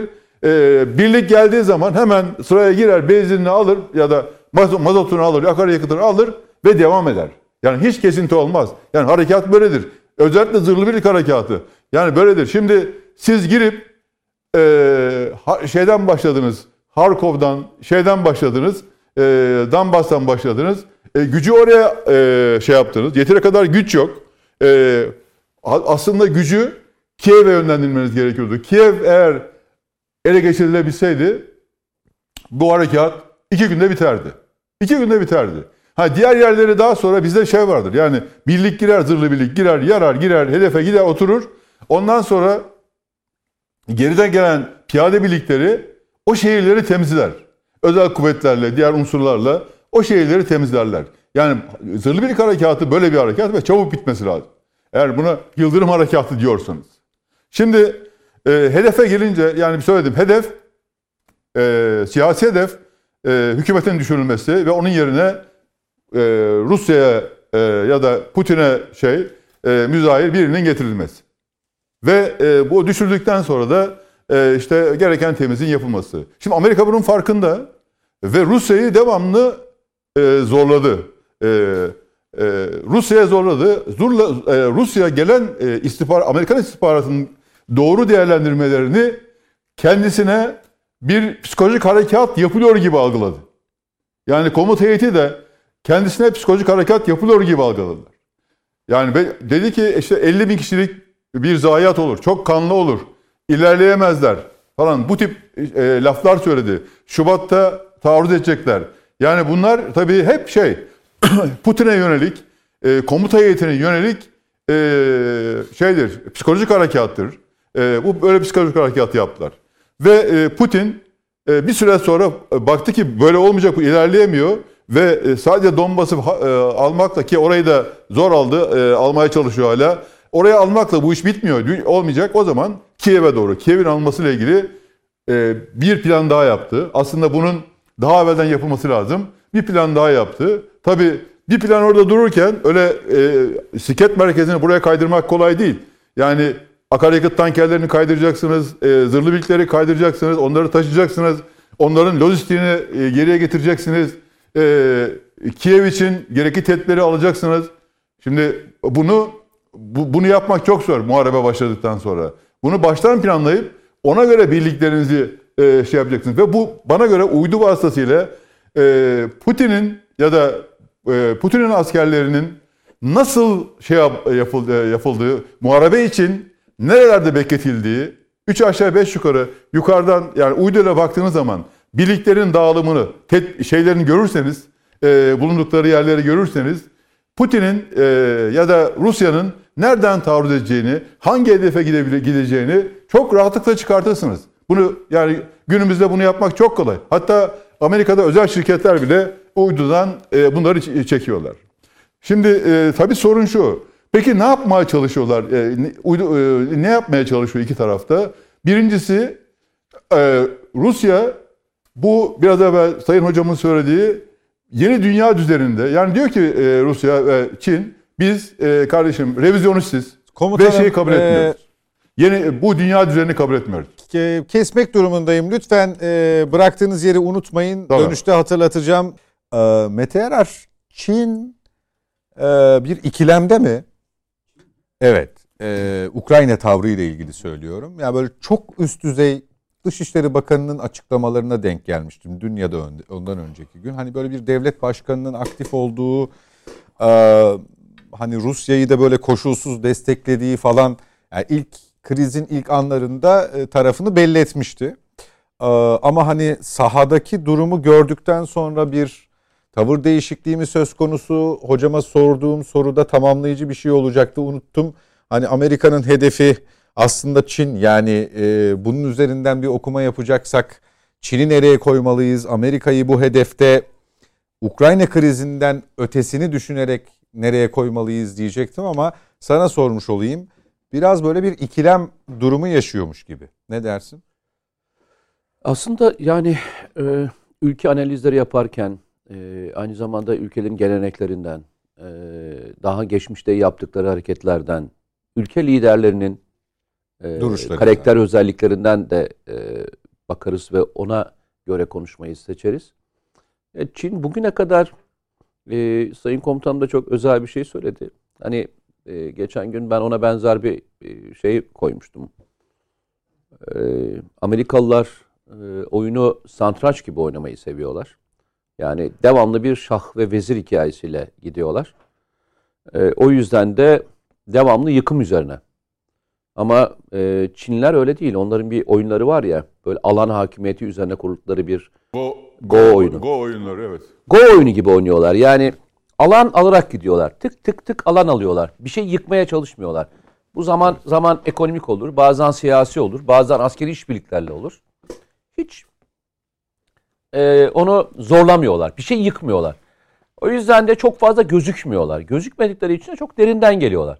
Bu bugün için geçerli, geçmişte de geçerli. Yani geçmişte de baktığınızda hani e, en iyi e, Çinleri kim tanır derseniz herhalde Türkler tanırlar yani.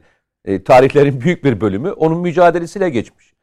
O nedenle hani Çin ne gösterirdi diye sorarsan tam da beklediğini gösterirdi. Pozisyon almazdı. Ve almadı. E, en son Birleşmiş Milletler'deki kararda çekimsi, çekimser kalan iki ülkeden, üç ülkeden bir tanesi şeyde kurulda. Yani veto hakkını kullanmadı, e, aleyhinde kullanmadı, çekimser kaldı. Pozisyonu izliyor ve bu pozisyonun sonucunda nereye doğru gideceğine bakacak. Çünkü ilginç e, bir nokta var burada. O da e, ne diye sorarsanız, e, Ukrayna konusunda G7, Avrupa Birliği, Amerika Birleşik Devletleri çok baskın bir şekilde ekonomik bir savaş açmış durumdalar. Asıl yani silahlı mücadelenin ötesine ekonomik olarak bir savaş açmış durumdalar.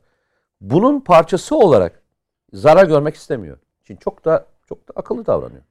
Yani Amerika'nın o söylediğim hamle ve kısmını da düşünüyor bir yandan. o şu anda bekliyor. Yani şöyle düşünsene Çin e, en büyük iki tane rakibi var. Küresel anlamda iki büyük rakibi var silahlı kuvvetler olarak. Bir tanesi Rusya. Silahlı kuvvetler olarak Rusya'nın gücü e, Çin'den küçümsenecek bir güçten bahsetmiyoruz yani. Hava gücü olarak, e, nükleer güç olarak daha fazla. E, öbür tarafta baktığında e, ABD dünyanın en büyük askeri gücü. Şimdi iki tane gücün karşı karşıya geldiği bir pozisyon varken e, siz üçüncü güç olarak ya bir durun bakayım bir de ben geleyim aranıza gireyim der misiniz? İkisinin birbiriyle yıpratma savaşında çok daha fazlasıyla enerjisini doğru kullanarak aradan sıyrılıp gitmek isteyecek. Ve buna oynayacak. Göreceksiniz yani Çin kendisine dönebileceği bir noktaya kadar susacaktır, bekleyecektir. Dönmezse bu e, çekimsellikle, bu tavrıyla hareket edecektir. Çin'in ötesine ben şöyle söyleyeyim. Demin e, hocam ona e, dikkat çekti özellikle. Şimdi Avrupa Birliği ilk defa ilkler ilkler yapıyor. ilkler yapıyor. Bunlardan bir tanesi Avrupa Birliği ilk defa direkt başka bir ülkeye silah naklediyor. Avrupa Birliği finanse ediyor bunu bak. Yani şey yapmıyor. Yani eskiden ülkeler finanse ederdi. Ülkeler birilerine destek verirdi. İşte evet, örnek veriyorum. Fransa ben destekliyorum dersiniz. Ama Avrupa Birliği ilk defa Evet. başka bir ülkeye gönderecek olan silahların finansmanını sağlayacağım ben. Avrupa Birliği fonlarından sağlıyor bunu. Ya. Doğru. Bu çok ilginç bir e, yer. Bunu niye şimdi yapıyor? Çünkü e, şimdi Rusya ile mücadele edecek bir e, ortam var birincisi. İkincisi e, NATO ile hareket. Şimdi Avrupa Birliği üyelerinin çoğu NATO'da üyesi. NATO'yu burada harekete geçirmeniz mümkün değil. Ama Avrupa Birliği e, üzerinden silah göndermeniz ve e, destekte bulunmanız mümkün. Dolayısıyla Avrupa aynı zamanda Rusya ile mücadelesinde Ukrayna'yı hem desteklediği hem de e, Avrupa'nın sahip olduğu, sahip çıktığı değerlerin hani demokrasi, özgürlük vesaire bu bölgelerde halkın da istediği şey bu oldu ve NATO, e, Rusya'yı sınırlandırabilmek ve ekonomik yaptırımları daha da arttırabilmek için ne yapması lazım? Oraya silah göndererek Ukrayna'da zaten bütün sivillerin eline de silah verildi. Askerleri oraya bir asker göndermek değil ama askerlerin kullanabileceği. Çünkü Teçhizatı. şimdi e, teçhizatı hani her silahı da herhalde uygulayıcısı olmadan e, göndermek çok mümkün değil değil mi? Hani kullanılabilecek Ama silahları çok göndermek. ilginç silahlar gönderiyor. Tam birazdan ona geleceğim. Evet yani orada birazcık daha fazla bence ekonomik yaptırımı arttırmak ve e, Putin'i birazcık daha alanda oyalayabilmek aynı zamanda da e, Ukrayna ile Batı'nın ilişkilerini çünkü Ukrayna'nın Avrupa Birliği'ne alınması da söz konusu. Dolayısıyla bu ilişkileri güçlendirmek. Yani yarın bir gün umarım öyle bir şey olmaz ama Ukrayna bölünürse e, böyle bir durumda aslında Batı e, kendi şu andaki tarafını ve kendi desteklediği e, desteklerini e, buradan çekmiyor. Bir de tabii şu var ben e, Mete Bey'in söylediklerine e, ek olarak bu Çin konusunda şunu söyleyebilirim. Çin ile Rusya'nın uzayda da yaptığı çok büyük anlaşmalar var birlikte ve burada önemli olan şey e, yani hedeflenen şeylerden bir tanesi aslında Rusya'nın teknolojik anlamda gelişimini de durdurabilecek bir takım yaptırımların söz konusu olmasıydı. O yüzden o teknolojik yaptırımları engellerken Rusya ile Çin'in yaptığı acaba anlaşmalarda bir şekilde tehlikeye giriyor mu? Çin birazcık daha bunları hani gözlemlemek ve kendisinin ne kadar bundan zarar görebileceğini anlamak istiyor.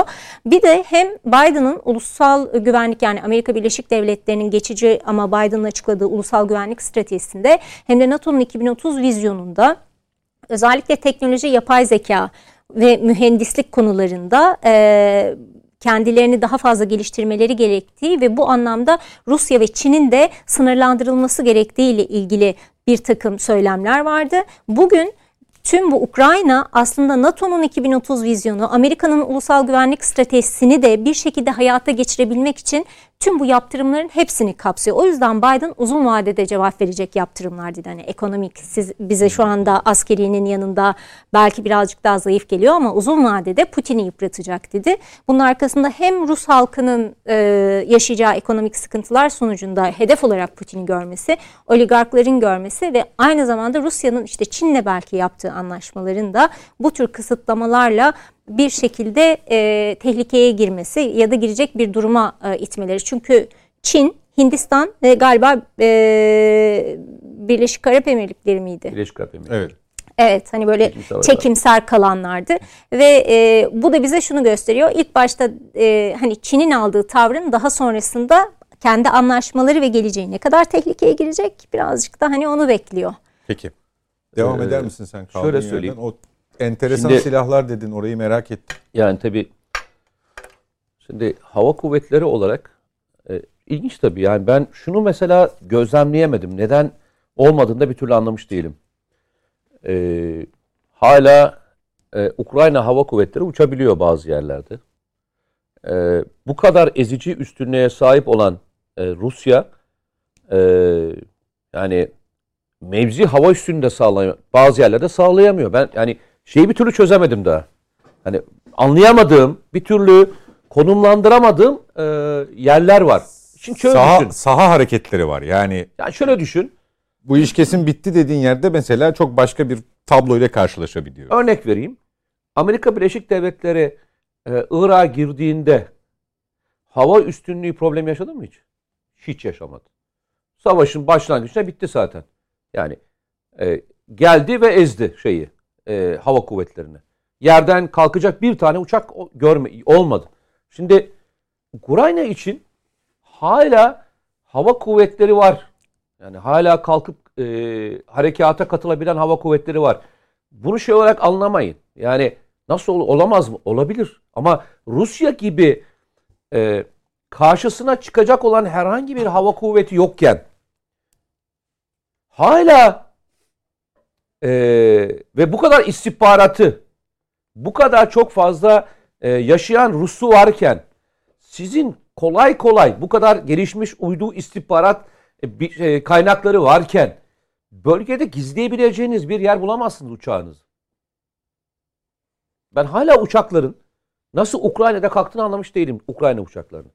Böyle bir pozisyondayken bir miktarını vurdular. Yani zaten kısıtlıydı. Yaklaşık 60'a yakın uçağı vardı. Bunların bir kısmını vurdular. Ee, Ukrayna şunu söyledi. Bana uçak verin. Ve e, Avrupa Birliği ilk defa şunu söyledi. Sana uçak vereceğiz. Şimdi tabii ilk defa aklına herkes gelince şey geldi. Yani sıfır uçak mı melekler? Hayır. Ellerinde kullandıkları neleri kullanıyorlar? MiG-29'ları kullanıyorlar. İşte e, Sukhoi Su-25'leri kullanıyorlar. E, bu uçakların envanterinde olan ülkeler vardı. Eskiden işte Bulgaristan e, gibi, e, işte Romanya gibi, Polonya gibi bazı ülkeler, işte Slovakya gibi ülkeler geçmişte bu uçakları e, sahibidiler şeyden dolayı. E, nasıl dersiniz ona? E, onların pay e, ülkeleri olduğu için Rus uça- e, şeylerini kullanıyor. Varşova Paktı'nda, Varşova kullanıyorlar. Paktı'nda olduklarından dolayı. Ve bunları şu anda envanterleri hala var. Çok aktif kullanmasa da var. Mesela bunları verebileceklerini söylediler. Şu anda bu uçaklar kimlerde var? Bulgaristan'da var MiG-29, Su-25.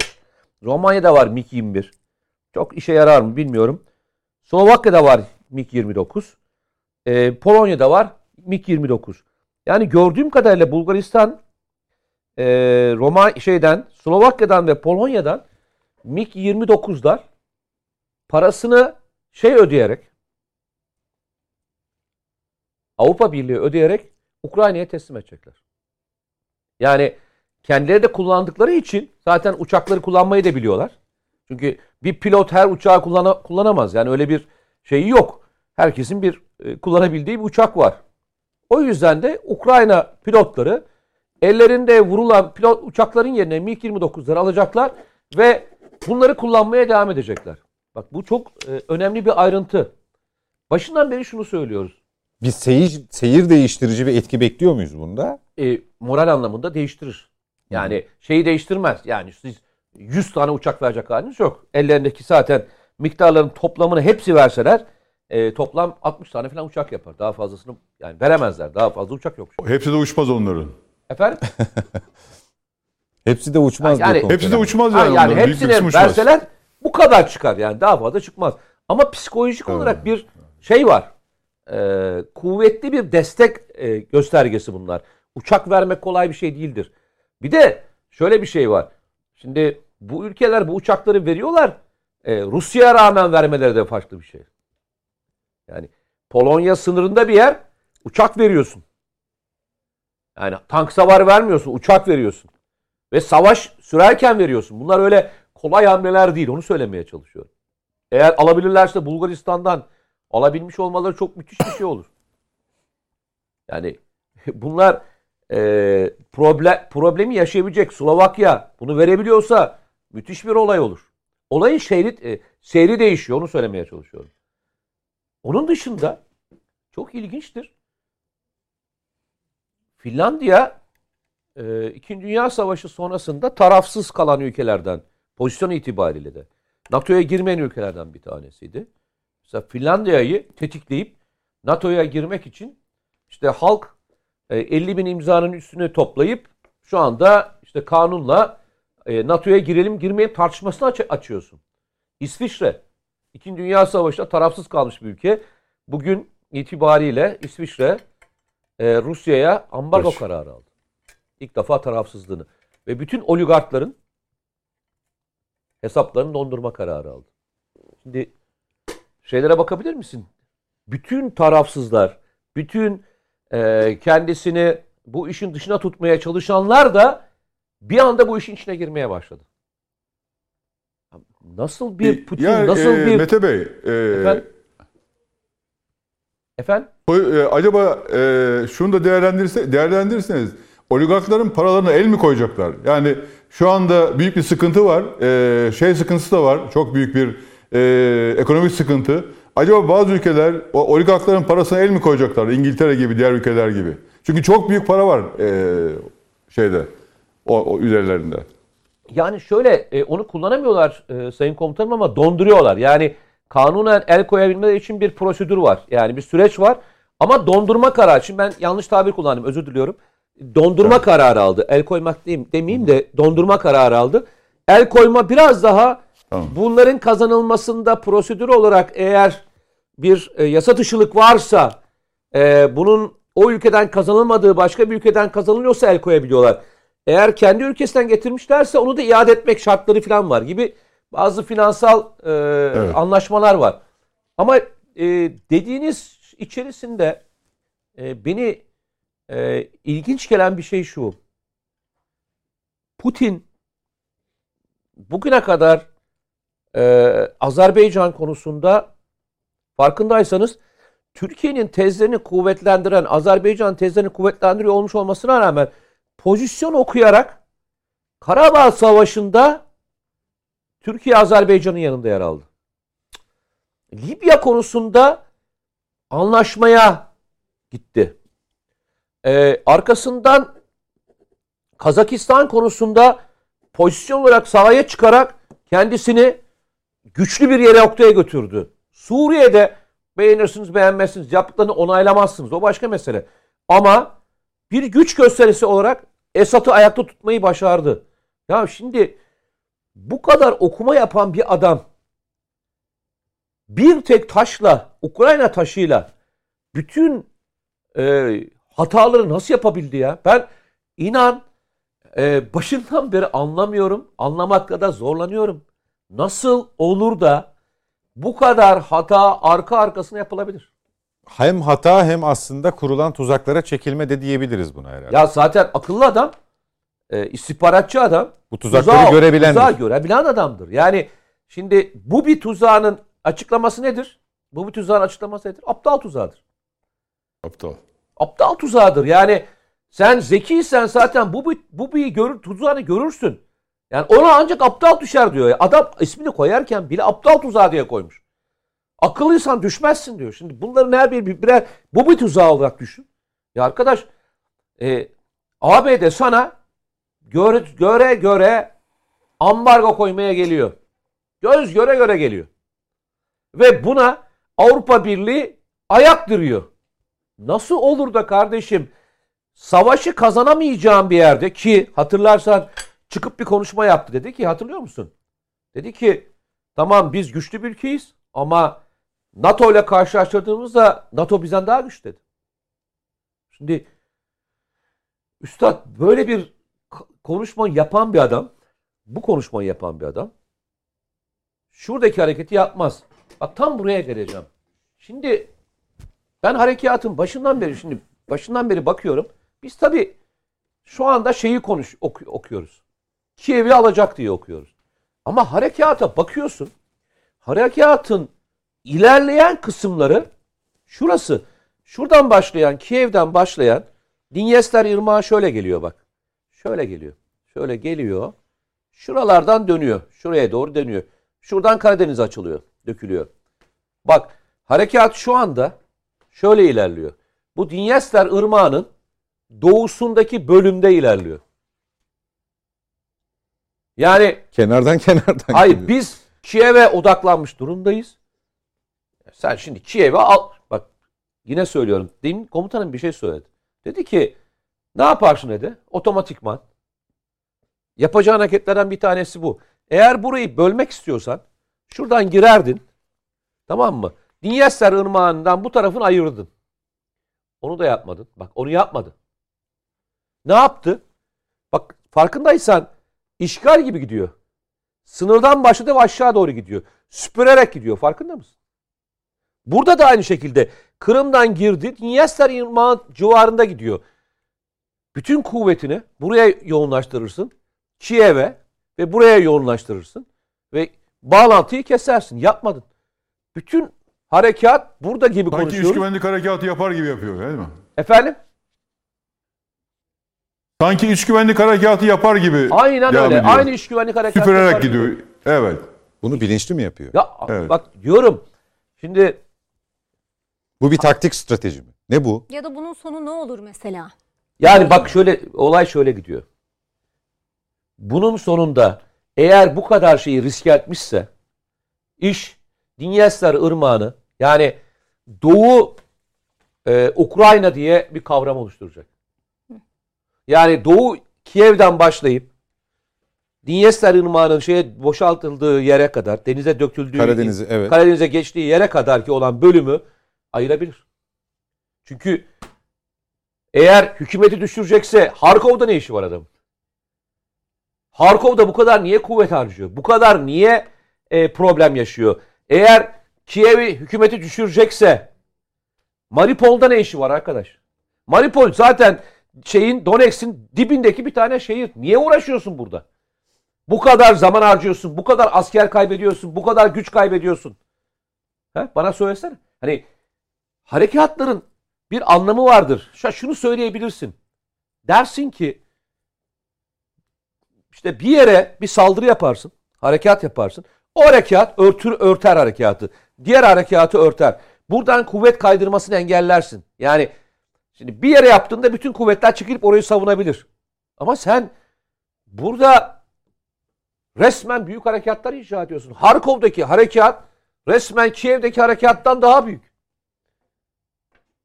Evet. Harkov'daki kaybı Kiev'den daha fazla. Ya arkadaş Harkov'a niye uğraşıyorsun bu kadar? Senin sınırının dibinde 40 kilometrelik bir yerde etrafını etrafını bu kadar büyük savaşlarda birinci taktiktir. Etrafını Çemberi alırsın. çember alırsın, şehri boşaltır geçersin. Şeyler bunu çok yapmıştır. Almanlar bunu çok yapmıştır.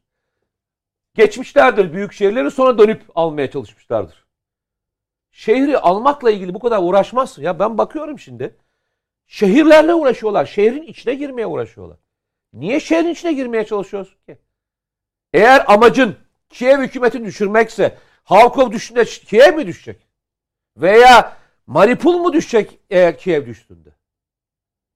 Ya birisi bunu bak harekatı okurken Sayın Erer. yazarsın?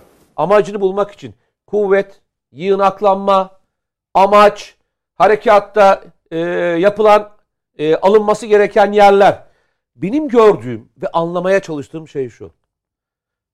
Azak Denizi'ni Sayın Mete... eh, neyse. Azak Denizi'ni tamamen Komutanım bir şey söylüyor herhalde. Azak Denizi'ni tamamen bence kopartmaya çalışıyorlar. Evet onun da arkasında haritayı verdik bu arada. Ee, komutanım buyurun bir şey söylüyordunuz galiba. Ben şunu söylüyorum. Yani şimdi bütün bunlar tamam ama sonuçta acaba e, Amerika ile Rusya yeni bir paylaşım yaptılar. Bu paylaşımda Avrupa e, Amerika'ya düştü. E, Rusya'da e, diğer bölgeleri e, şey yapacak. E, Asya dahil ve böylece belki e, Çin'i durdurmayı düşündüler.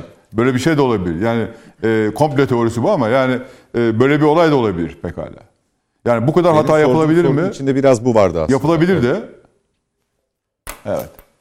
Peki. İşte diyorum ya e, bu harekatta bir harekatta anlayamadığın 80 tane soru olmaz. Öngörülemezlik bu kadar olmaz diyor. Bak siyasi öngörü, öngörü, öngöremediğimiz bir olay yaşandı. Arkasından harekatın biçimine bakıyorsun. Harekatın biçimi e, hükümeti düşürmekten çok Doğu Avrupa'yı almak, Doğu Ukrayna'yı Ukrayna. almakla ilgili bir harekata benziyor. Yani harekatın nevi şey değil. Bu değil. E, üçüncüsü ya bu kadar büyük bedel ödemeyi gerektirecek olay nedir diye soruyorsun. Çünkü askeri harekatın bir amacı vardır. Bu askeri harekatın amacından daha büyük bedel ödüyorsun. Elindeki bütün her şeyi kaybetmeye riskiyle girmişsin.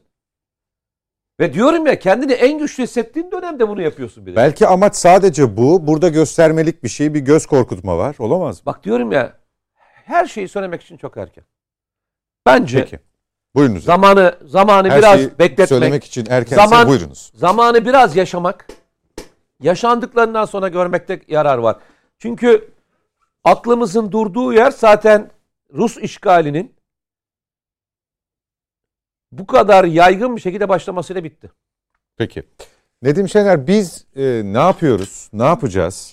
Ben- E, olası sonuçlar üzerinden bir okuma yapmak bugün itibariyle güç gibi duruyor. Yani Mete Yarar'ın anlattıkları benim kafamı zaten karışık olan kafamı iyice Yo, Benim de Darmadağın- kafam karışık. Benim de kafam karışık. darmadağın Merak etme. hale getirdi. E, bir amaca matufluk görmüyoruz. O net.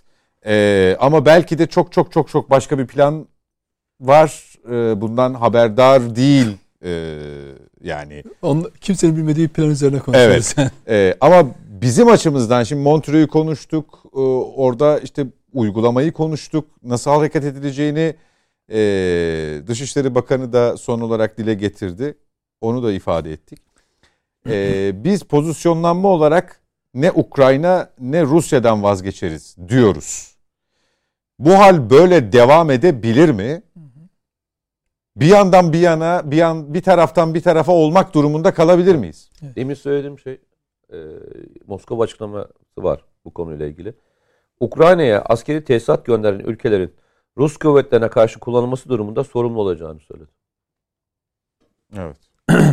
Şimdi ya anlatılanlardan ve yaşadıklarımızdan e, yani Rusya niye böyle davranıyor? Şimdi Mete bu işin uzmanı, meslekleri İsmail Hakkı Pekin bütün televizyonlarda bu konuda uzman olan kişileri de şaşırtan e, gelişmeler oluyor hakikaten. Şimdi ya ben tabii kendi herkesin bulunduğu noktadan bir algısı var. Yani savaşa mesela bir iş adamı savaşa baktığı zaman ekonomik yönünü görür, asker askeri yönünü görür, siyasetçi politik yönünü görür. Yani herkes bir başka şekilde okur. Şimdi benim gördüğüm çerçeveden e, Rusya'nın e, Amerika'ya karşı olan e, bir handikapı var. O da bir meşruiyet sorunu. Şimdi Amerika Birleşik Devletleri dünyada sayısız işgaller, darbeler, bombalamalar yapmıştır. E, ve işte bunu da hep e, giderken demokrasi insan hakları adına yapmıştır. Terörle mücadele adına yapmıştır. Sözde. Sözde. Ve ama orayı yerle bir etmiştir. Mesela Irak işgalinde sivil, asker fark etmez dümdüz edip gidiyor mesela. İşte Suriye'de en son Rakka'da mesela dümdüz edip gidiyorlar. Orada sivil kaç kişi ölmüş? İnşaatların yani altında kalmış. Hiç kimseye hesap vermiyor. En son Afganistan'dan çıkarken son anda dahi e, teröristler diye ateş ettiği yer, bombaladığı yer 10 kişilik bir aileyi te- e, şey yaptı. Öldürdü. E, onlara da ne yaptı en son? İşte özür falan e, biraz para verelim bir de vatandaşlık verelim falan gibi düzeltmeler yapıyor. Ama dünyanın bu medeni dünya var ya şimdi yer gök zıplıyor. NATO, Birleşmiş Milletler herkes batı basını insanlık dersi falan veriyor. Amerika'ya tek soru sormadılar. Şimdi Ukrayna'nın Medeni dünya söylemi de tartışılıyor. tırnak diyor. içinde bunların hepsini Evet, evet. ben ne anlamda söylediğimi lütfen anlayınız. E, cümlemin çünkü içinde bütününü dinlediğiniz zaman o çıkıyor. Ee, Ukrayna'da mesela temsilciler, Ukrayna temsilciler, yani bir kişinin hayatının kaybetmesi veya yaralanması dahi bir insanı acıtır. Savaşa herkes karşıdır. Ama Suriye'de, Irak'ta ölenler e, asla bu kadar gündemleştirilmedi dünya üzerinde. Onu bırakın bilinçli olarak Irak'ta Ebu Greb hapishanesinde insanlık dışı yani affedersiniz bir hayvana dahi yapılmayacak muameleyi oradaki insanlara yapıp öldürdüler. Hiç kimsenin sesi çıkmadı mesela. Dolayısıyla Batı'nın Rusya'ya göre avantajlı olduğu şey şu. e, her türlü suçu işleyebilir. Ama her zaman temizdir, demokrattır. İnsan, yargılamayı da o yapar. bu konularda. Rusya'nın böyle ilerlemesinin bir sebebi bence yani ben hani e, algı açısından baktığım zaman dünya kamuoyuyla da mücadele ediyor. Zaten Rus elçiliklerinin, temsilcilerinin ya da e, Dışişleri Bakanlığı yetkililerinin her açıklamasına baktığınız zaman yalan haberler üzerine duruyorlar. Ne kadar yalan ne kadar doğru ben onu da bilmiyorum. Ya mesela bir tane daha ilk günde bir e, tankın arabayı ezdiği içinde bir e, insanın Ailenin kaldığı, bulunduğu. bir kişinin kaldığı bir olay vardı. Oysa o e, bir e, Ukrayna tank savar aracı, şey e, roket atarı aracı ve kazayla onu yapıyor. Daha sonra onu düzelttiler mesela. Onu paylaşmıyorlar artık. Ama ilk günlerde ne oldu? Rus tankları sivil araçları eziyor falan diye yaptılar. Bu Rusya masum mu? Değil. O da insanlık suçu işliyor. Her, her haksız savaş zaten bir insanlık suçudur. Savunmayı içermiyorsa. Şimdi dolayısıyla geçen gün yine bu olaylar olurken Çin Dışişleri Bakanlığı'nın bir sözcüsü var. Twitter sayfasından şeyleri paylaştı. Bir takım rakamlar. Ee, tarihi unutmaz falan başlığıyla. Mesela e, İkinci Dünya Savaşı'ndan bu tarafa Amerika Birleşik Devletleri 32 ülkede bombardıman yapmış. Buna Çin dahil olmak üzere bom- bayağı bildiğiniz en son Suriye'de olmak üzere bombardıman yapmış. Bazı ülkeleri birkaç defa bombalamış. Afganistan'da olduğu gibi mesela. Mesela yine 64 ülkede 2. Dünya Savaşı'ndan bu tarafa müdahaleler yapmış. Ne yapmış? Bombalama, bombala, bombalama yapmış, sabotaj yapmış, rejim değişikliği yapmış ki bunun işte Türkiye dahi var.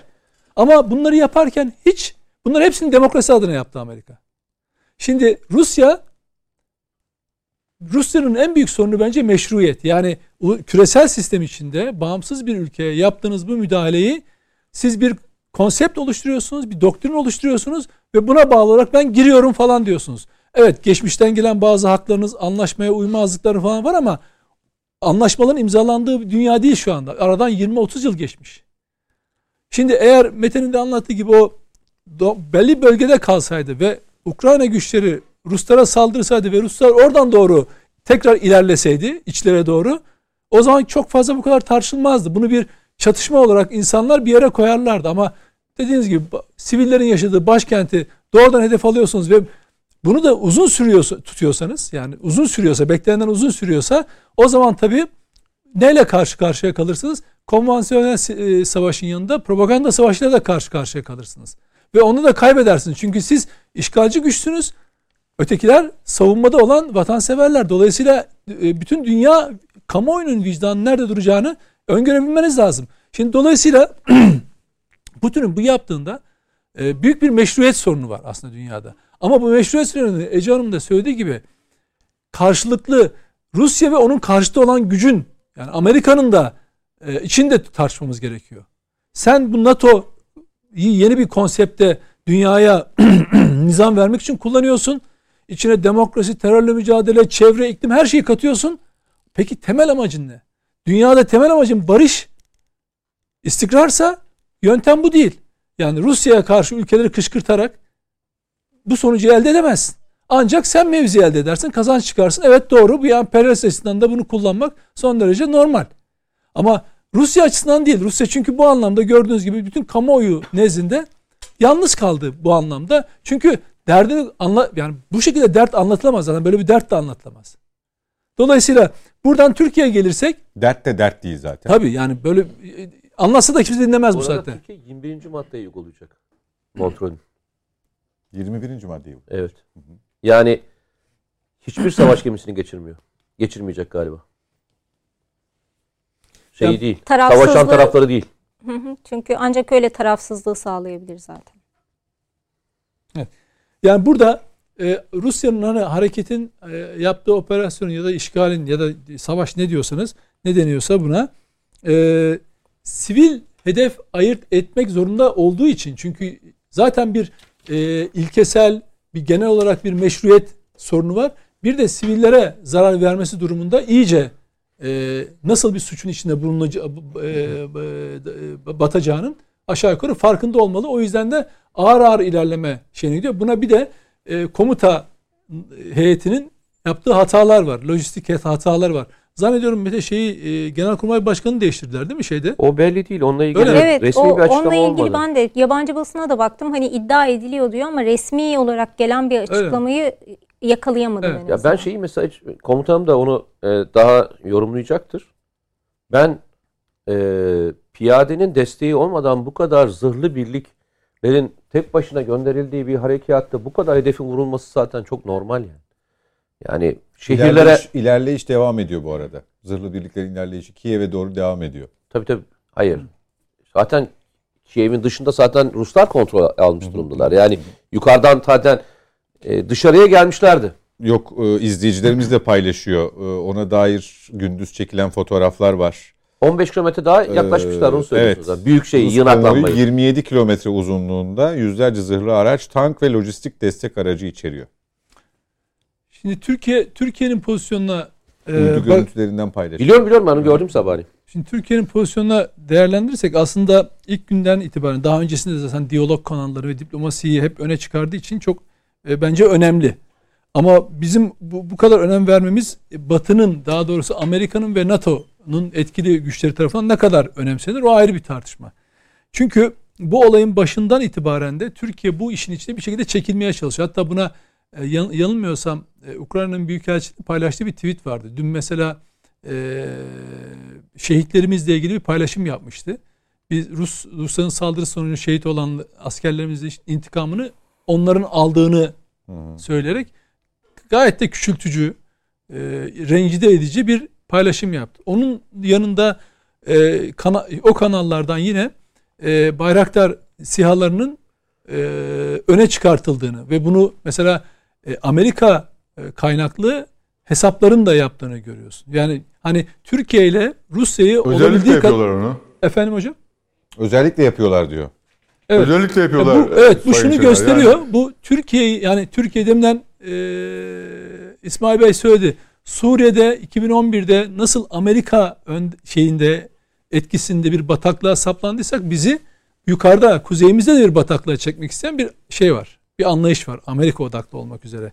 Şimdi burada da bunun böyle kalacağı. Şimdi evet biz tarafsız kalmayı sürdüreceğiz. Biz ulusal çıkarlarımızı önceleyeceğiz. Ama şu bir gerçek. Onlar bunu bırakmayacaklar. Neden bırakmayacaklar? Bakın Türkiye'de siyaset de buna göre şekilleniyor. Ben bugün onu yazdım. Durduk yere iki Evet. tane muhalefet lideri Doğru. S-400'ü gündemine aldı. Biri de Reuters ajansı, biri de hiç zorunluluğu yokken Twitter sayfasından yaptı. Twitter sayfasından e, S-400 almanın Rusya ile ilişkileri kırılganlık yarattığını, Batı ile ilişkilerde kırılganlık yarattığını, Asimetrik. e, Rusya ile de asimetrik ilişki ürettiğini söyledi. Kılıçdaroğlu daha beter. O S-400'leri niye aldık falan derken NATO 21. yüzyılda demokrasinin bekçisi bizim yerimiz orası olmalı. Biz bunu niye aldık falan. Yani bakıyorsunuz tam da Amerika'nın ya ben bu ülkede kimlerle çalışabilirim? Ya bu Erdoğan yönetimi bize ayak sürüyor. Birçok konularda anlaşamıyoruz. Zaten şöyle yaptık böyle yaptık olmadı. Tam da bizim adı- aradığımız adamlar bunlar. Dercesine kendilerini ortaya atmışlar ve S-400'ü sorgulamaya çalışıyorlar. Şimdi bugün Türkiye ben anketlere baktım. Daha geldi ilk anlaşmanın yapıldığı günden beri dün oturdum. Bütün S-400 ile ilgili yapılmış kamuoyu araştırmaları her taraftan yaptım. %60'tan aşağı kamuoyu de- desteği hiç düşmemiş S-400'lere. Çünkü Amerika'nın e, bize Patriot vermediğini, parasıyla dahi vermediğini, hatta e, aldığımız için de ambargo koyduğunu, S-400 almak zorunda kaldığımız ve ambargo koyduğunu kamuoyu çok iyi biliyor. Bu çok iyi anlatıldı. Ve bunun bir ihtiyaç olduğunu da Türkiye görüyor. Buna rağmen evet ben bu ülke, insanların ülkeyi sevdiğinden hiç kuşkum yok. Neden böyle yaparlar? O da vatan sevgisi azlığından falan değil ama şahsi çıkardan, siyasi çıkardan diye düşünüyorum.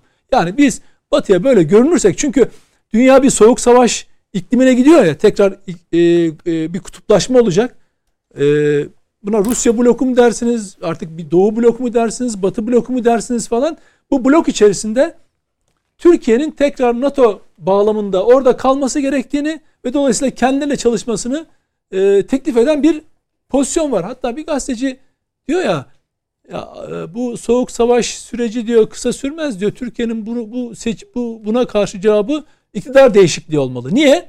İktidar değişirse biliyor ki NATO'cularla en iyi çalışacak yönetim e, o Maalesef. S-400'leri eleştirenler olacak. Dolayısıyla şunu gösteriyor. E, Birçok ekonomik faturası çıkacak Türkiye. Birçok avantajı da olabilir. Onu da söyleyeyim. Yani e, Rusya doğalgaz mesela arzını keserse batıya biz ambargoyu e, uygulamadığımız için bize e, bizim oradan bir alım konusunda avantajımız olabilir. Bizim orayla ilişkimiz, ticari ilişkimiz daha farklı olabilir. E, savunma konusunda ilişkimiz farklı olabilir. Ama ya şimdi şöyle söyleyeyim. Mesela Swift'ten çıkartıyorlar ama bütünüyle çıkarmıyorlar biliyorsunuz. 80, %80'ini falan etkiliyor bu. Dolayısıyla o kanallar açık kalabilir. Dolaylı ticaret de yapılabilir. Yani Rusya bugün yani bir Türk e, doğrudan ticaret yapmaz da Çin üzerinden veya başka ülkeler üzerinden ticaretini de gerçekleştirebilir. Dolayısıyla böyle avantajlarınız olabilir. Bu belli size fayda da sağlar. Ama uzun vadede e, Türkiye'yi köşeye sıkıştıracaklar. Neden biliyor musunuz? E, nasıl İran konusunda Amerika İran'ı hedefe koyduğu zaman işte terörist devlet deyip onun e, silahlı gücünü de terör örgütü falan diye yaftaladı, e, söyledi. Ardından da dedi ki İran'la ilişki kuranları da ben yaptırım alırım. Şimdi öyleyse yakında ya bunun devamında Türkiye e, bu Batı'nın ambargo kararlarına, yaptırım kararlarına mesafeli duruyor. Şimdi yarın onunla ticaret yapanı da ya da onunla iş yapanı da ben e, o kapsama alıyorum derse ve burada biraz da Türkiye'yi tarif ederse Türkiye ne yapacak? İşte bütün bunları düşündüğünüz zaman bugünden belki erken ama o, o onun da e, hesaba katılması gerektiğini düşünüyorum ben. Peki. Çok ilginç bir şey söyleyeceğim. Ee, şimdi okudum. Ee, Yılan Adası diye bir olay izlemiştik hatırlıyor musun? 13 Ukrayna'da asker, yılan asker, evet. 13 asker hı hı. hani sonuna kadar direndi şimdi. Şimdi BBC e, News açıklamış. Ukrayna ordusu da açıklamış. Rusya da açıklamış. E, yılan Adası'ndaki askerler e, sağlar ve teslim olmuşlar. Aslında hiç ölmemişler. Nasıl ya? ya o yüzden söylüyorum.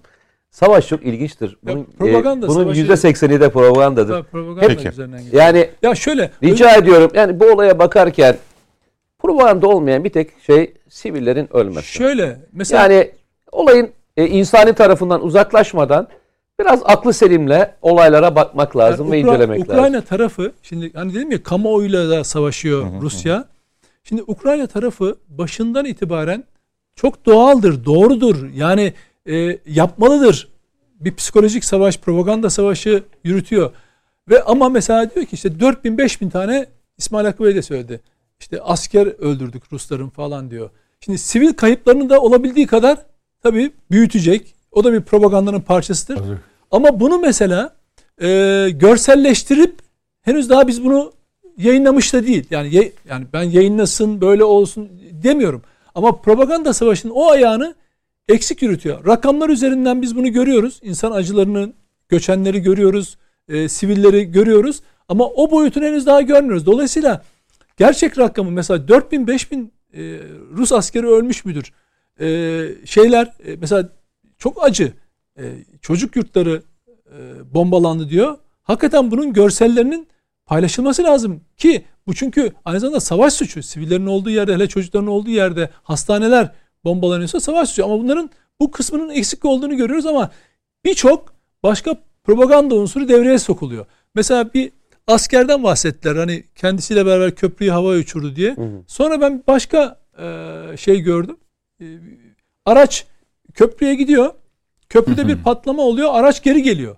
Yani köprünün. Ama o görüntü o görüntü müdür bilmiyorum ama onu da hayır öyle değil böyle diye paylaşanlar oldu mesela. Yani böyle bir e, şey yürüyor. Yani şeydir yani savaşın bir gerçeği ben herkese takip eden herkese e, bir uyarı anlamında. Bundan daha büyük çünkü hani Yılan Adası bu işin başlangıcındaki en büyük efsane kahramanlık hikayesiydi.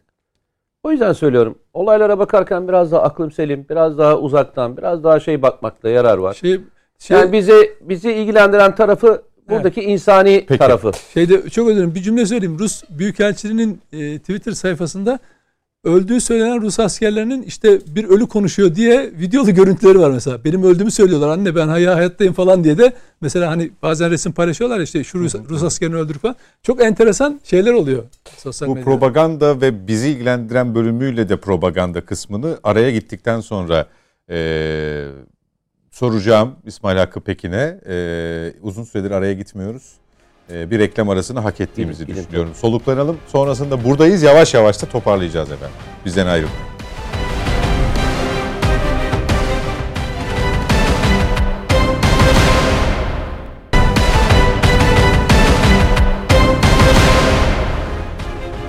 Yeniden birlikteyiz efendim. Net Bakış'a devam ediyoruz. Mete Yarar, Nedim Şener, İsmail Hakkı Pekin ve Ece Baban'la birlikteyiz. Son etaba girdik. Yavaş yavaş toparlayacağız.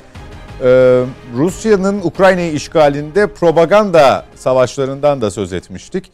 Sayın Pekin, e, dikkat çeken kısımlardan bir tanesi de tabii bizde çok farklı yorumlandı. Daha doğrusu olduğu gibi alındı verildi ama bunu bunu da sizin yorumunuzu merak ediyorum. Ee, bayraktarların rolü bu e, işgalde Ukrayna'nın cevabında diyelim mukabelesinde Ee, Ukrayna Silahlı Kuvvetleri yetkilileri tarafından görsellerle, görüntülerle paylaşıldı. Ee, Türkiye'ye atıfta bulunularak. Ee, Rus tarafını da e, hakir görerek diyelim. Ee, zaman zaman e, alaycı, müstehzi ifadelerle de buna rastladık. Bunu nasıl buluyorsunuz? Yani bizim açımızdan nasıl buluyorsunuz? Rusya'daki yankısı açısından nasıl görüyorsunuz? Ukrayna'nın bir silahlı kuvvetleri yetkilisinin bizi anarak e, böyle bir e, sosyal medya e, da buna yer vermesine nasıl bakıyorsunuz? Bir, e, birkaç şey söyleyebilir miyim? E, deminki konularla çok kısa böyle 4-5 Kısa kısa e, çünkü falan. son etaba girdik. E, çok kısa. Tamam çok kısa kısa söyleyeyim ben. Mesela e, acaba Doğu Ukrayna, Batı Ukrayna diye iki ayrı, ayrılır mı konu? E, ülke. Mücadele, e, yeni bir durum ortaya çıkıyor. Mücadele açık devam edecek. Yani küresel e, şeyde, küresel anlamda mücadele açık devam edecek ve belki de demokratlar, otokratlar şeklinde, demokrat ülkeler, otokrat ülkeler şeklinde e, tekrar e, yeni baştan bir sınıflandırma yapılacak. Ee, Avrupa mali yardımlardan nasıl etkilenecek? Biz nasıl etkileneceğiz? Yani e, buna bakmak lazım. Belki de bu da ölçülüyor şu anda. Yani e, bu şekilde. E, peki çatışma yayılır mı? Bu pilot verdiler, pil- e, şey gönderiyorlar, uçak gönderiyorlar, malzeme gönderiyorlar. Avrupa gidip de konvoyu Polonya'da ya da Romanya'da bombalar mı acaba şey? E, Rusya. Çatışmanın yayılması açısından. E, peki Teknolojik çalışmalar var. Biraz var. Teknolojik çalışmalar, faaliyetler sınırlandırılıyor. Nasıl sınırlandırılıyor? Mesela çip konusu. Rusya çip üretemiyor. Çipi e, e, Amerika ve şey üretiyor, Japonya üretiyor. Öyle baktığımızda e, hala çip satışı devam ediyor Rusya'ya. Bu konuda mesela süpersonik, hipersonik silahlar konusunda önemli gelişmeler var. Belki bu gelişmeleri, bunlar da çip kullanıyor. Bu gelişmeleri aşağı doğru indirme kolayı var, indirme durumu var e, sönümlendirme konusu var. Enerji dağılımı konusunda belki ikiye bölünecek. E, yani bu İsmet'ten vazgeçti ama Katar ya da Basra Körfezi'nin enerjisi belki Türkiye üzerinden gö- gönderilecek. E, böyle bir şey deneniyor. E, ikincisi e, acaba işte biraz evvel söyledim yeni bir anlaşma mı başladılar? Bir de bu, bu süreç bu süreç sonunda ne olur bilinmez. Yani tek bir atım değil. Yani e, bir süreç belki aylarca sürecek. Belki Yıllarca sürecek bilemiyoruz tabii.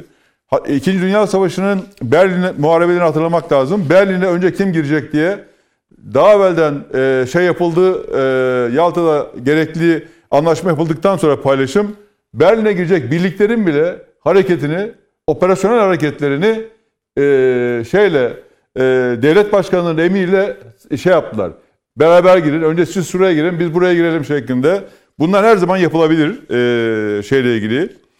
Mart ayında e, şeyde Avrupa Birliği stratejik pusula diye bir Avrupa'nın önümüzdeki dönemki e, faaliyetlerini gösteren, konseptini gösteren bir şey yayınlıyor. Haziran ayında da e, NATO stratejik konsepti yayınlanacak e, zirvede. E, hava savunma sistemlerinin önemini görüyoruz. Yani şu anda Türkiye'nin hava savunma sistemleri zayıf. Yani bizim e, dünya kadar e, teknoloji üreten, üretim yapan yerlerimiz var. Buraları buraları korumak durumdayız. Buraları koruyamazsak e, o takdirde e, üretimin e, Türkiye'deki üretimin sanayi üretimin yüzde 40'ı 50'sinin 60'ların yapıldığı İstanbul ve Kocaeli bölgesini e, elden çıkartırız. O bakımdan buraları düşmanın ya da bizle uğraşacak olan insanların ilk hedefi diye değerlendiriyorum. Bir de e, sanırım Türkiye üretim merkezi haline gelebilir. Biraz evvel söylendi. Yani bu olay sırasında e, üçüncü bir ülke olarak e, üretim merkezi haline gelebilir. E, yani e, Rusya'dan, Çin'den alınmayan malzemeler e, Türkiye'de üretim yapılmak sureti Avrupa'ya gidebilir. Bu da bir tarafa yazmamız gereken önemli şeydir.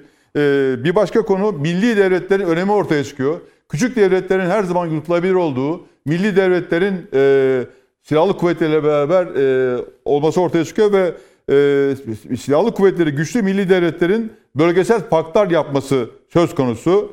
Bir de bizim savunma sanayimiz bundan nasıl etkilenecek ona bakmamız gerekiyor. Ben tabii bayraktarların e, bayraktarlar Türkiye'nin gururu olan silahlar, gururu olan malzemeler. Bunların e, bu şekilde e, şey tarafından propaganda malzemesi olarak kullanılması bana göre e, Türkiye ile e, şeyin arasını, Rusya'nın arasını bozma amacına gidiyor büyük ölçüde. E, bu kadar çok e, gündeme getirilmemeli. Bizimkiler biz de gündeme getirmemeliyiz. Zaten bu gereken e, reklamı yaptı e, onlar e, büyük ölçüde şeyde.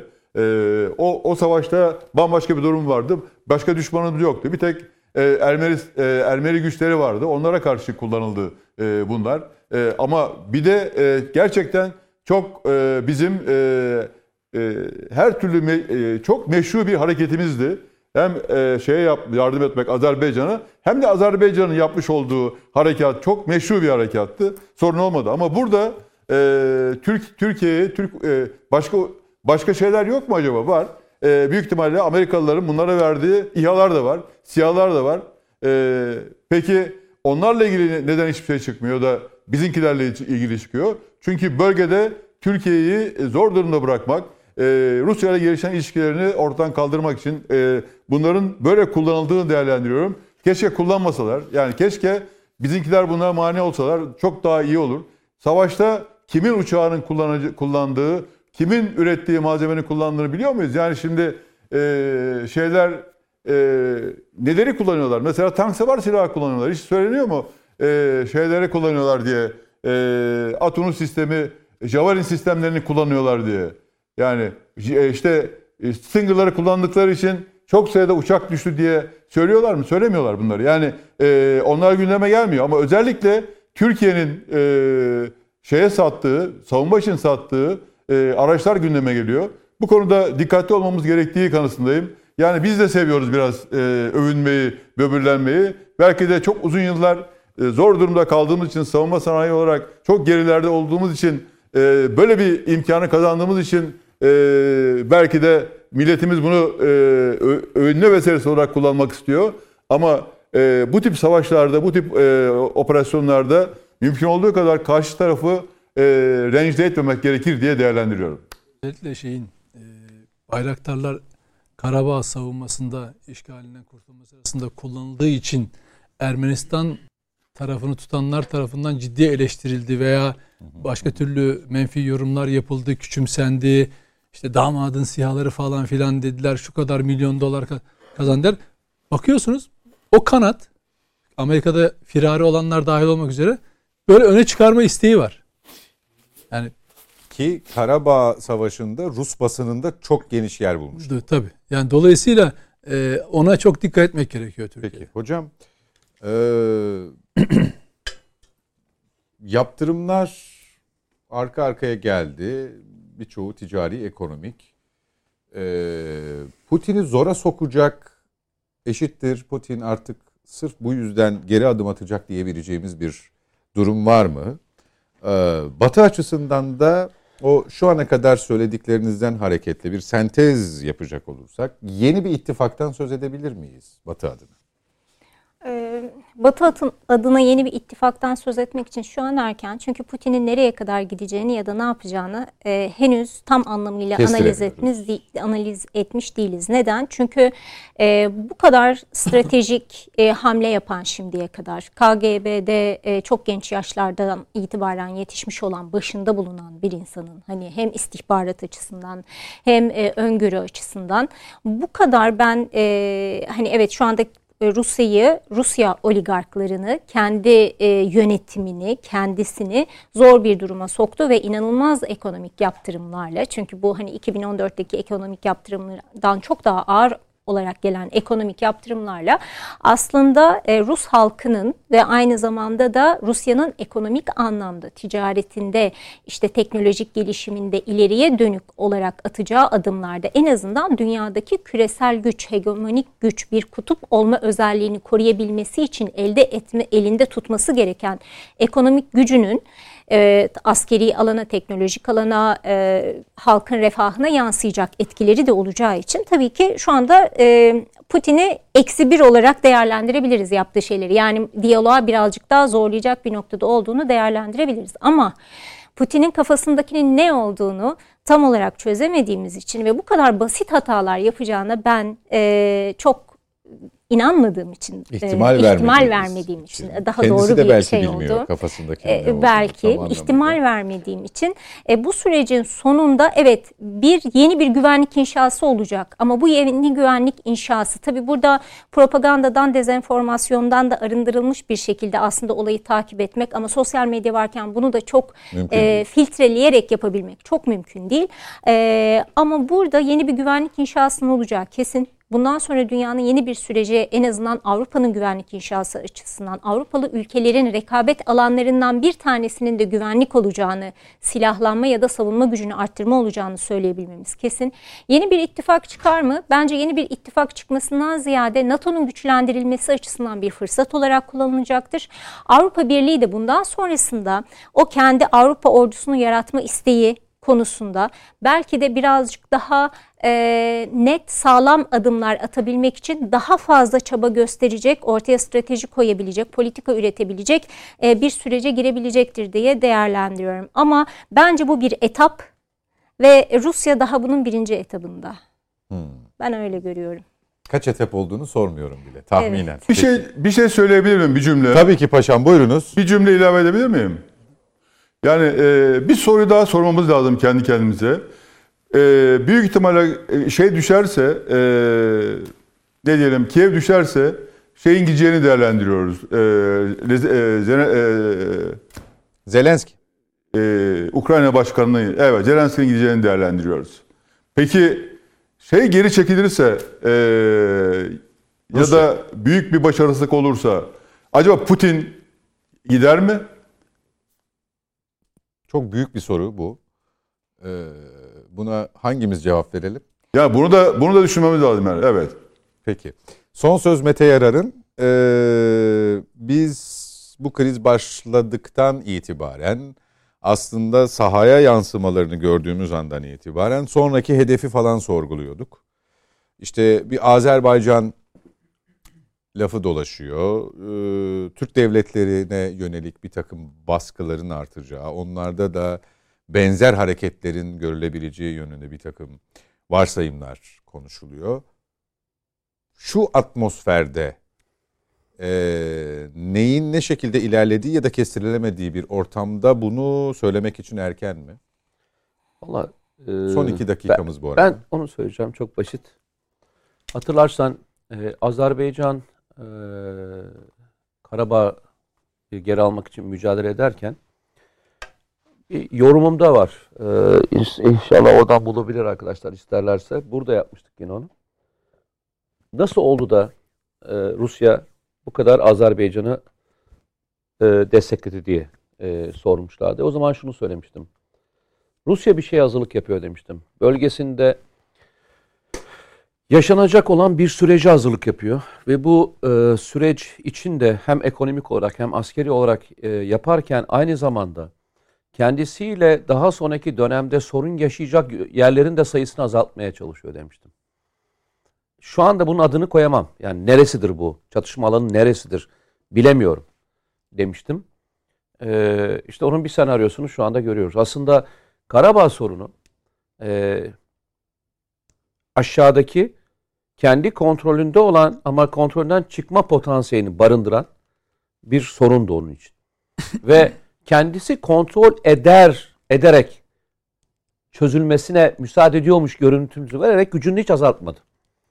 Ve bir alan bir alanı daha halletmiş oldu kendisine göre. Şimdi düşünsene yukarıdan aşağı doğru başladığında süreç Ukrayna süreci başladığında Gürcistan'la sorumlusun. Ee, Azerbaycan'la so, e, sorumlusun.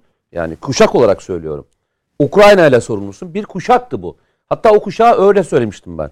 Şimdi gördüğümüz tabloda şu netleşiyor. Ee, Ukrayna sorununun belki bu kadar büyüyeceğini tahayyül etmiyordu ama Ukrayna sorununu planlamışlar. Onu söyleyebilirim. Ukrayna sorununu planlamışlar. Ama şu yaptığı planlamanın içinde mi? Ona emin değilim. Yani e, böyle bir operasyonun Böyle bir maliyetinin mu? maliyetinin bakın sen kendininkini planlayabilirsin. Ama karşı hamleleri yalnızca tahmin edebilirsin. Seninkiler planlamadır, karşıdakiler tahmindir. İcra kısmında sen icra edersin, karşı tarafın ne yapacağını tahmin edebilirsin. Bugün geldiğimiz tabloda kendi planlarını uyguluyorlar ama karşı taraf Hamle acaba okuma, onların hamle okuma yok yani. acaba onların beklediğinden daha mı büyük performansla e, tepki verdiler? Evet, çok merak ediyorum. Önümüzdeki hafta burada ne konuşacağız? Valla ben bir şey söyleyeyim mi? Haftaya bile gitmeyebilir. Yani o kadar sürprizlere açık bir olay yaşanıyor ki e, o kadar çok psikolojik harpin onlarca versiyonunu görüyoruz ki o kadar anlık dağılmalar görüyoruz ki demin ben size okurken hangi ülkeler silahları verebilir diye söyledim. Hatırlarsınız bunlardan bir tanesi Bulgaristan'dı. Elinde olan MiG-29. Bulgaristan birkaç dakika önce açıklama yapmış. Benimdeki MiG-29'lar zaten sınırlı sayıda. Hiç kimseye ben uçak veremem demiş. Tamam, yani bu işler böyledir. Bak bir anında kimin ne yapacağını, nasıl yapacağını, nasıl ilerleyeceğini bilemezsiniz. Hep Peki. beraber izleyeceğiz ve göreceğiz. Peki teşekkür ediyoruz. Ben teşekkür Ee, ederim. Mete Erer, Nedim Ama en Şener. çok konuşacağımız konulardan bir tanesi bak şimdi demden verdiğim Türkiye aleyhine ne kadar iş varsa Amerika'da imza atan buna e, senatoda bir takım tiplerle Özellikle TB2'ye e, ambargo kararı alın, 4 malzeme vermeyin diyenler. Amerikalı senatör Türkiye'ye Evet. yaptırımlar konusunda 4 milyondan fazla takipçisi var. Deminden attığı tweet. Diyor ki Bayraktar TB2 Türk yapımı insansız muharebe hava araçlarıyla Rusya'nın ikmal hatlarına büyük zarar verdi. Şimdi bu böyle göreceğiz biz bunun ne kadar yani bütün şeylerde e, Amerikan medyasında e, e, bu savaşın bir parçası olarak Kullanacak. Türkiye ve Rusya'yı e, Karşı vuran karşıya ülke konumuna Yani şey karşı karşıya getirilecek. Biz bu, Suvari Bu da-. Suvari Birliği noktasına doğru Ve götürmeye çalışıyor. yavaş yavaş yani Türkiye Avrupa Konseyi e, kararına çekimsel davrandığı yaptırımlar karşısında mesafeli duruyor. Tarafsızlığını korumaya çalışıyor ya. Kontrolü tarafsız olarak Ha, uyguluyor. onu uyguluyor. Zelenski'nin Bu onları- bu- açıklamalarındaki bu en çok- boğazlar bu en çok- de o yok muydu? Bu en çok Benzer şey yok tabii. muydu yani? Bu en çok Amerika'yı rahatsız ediyor.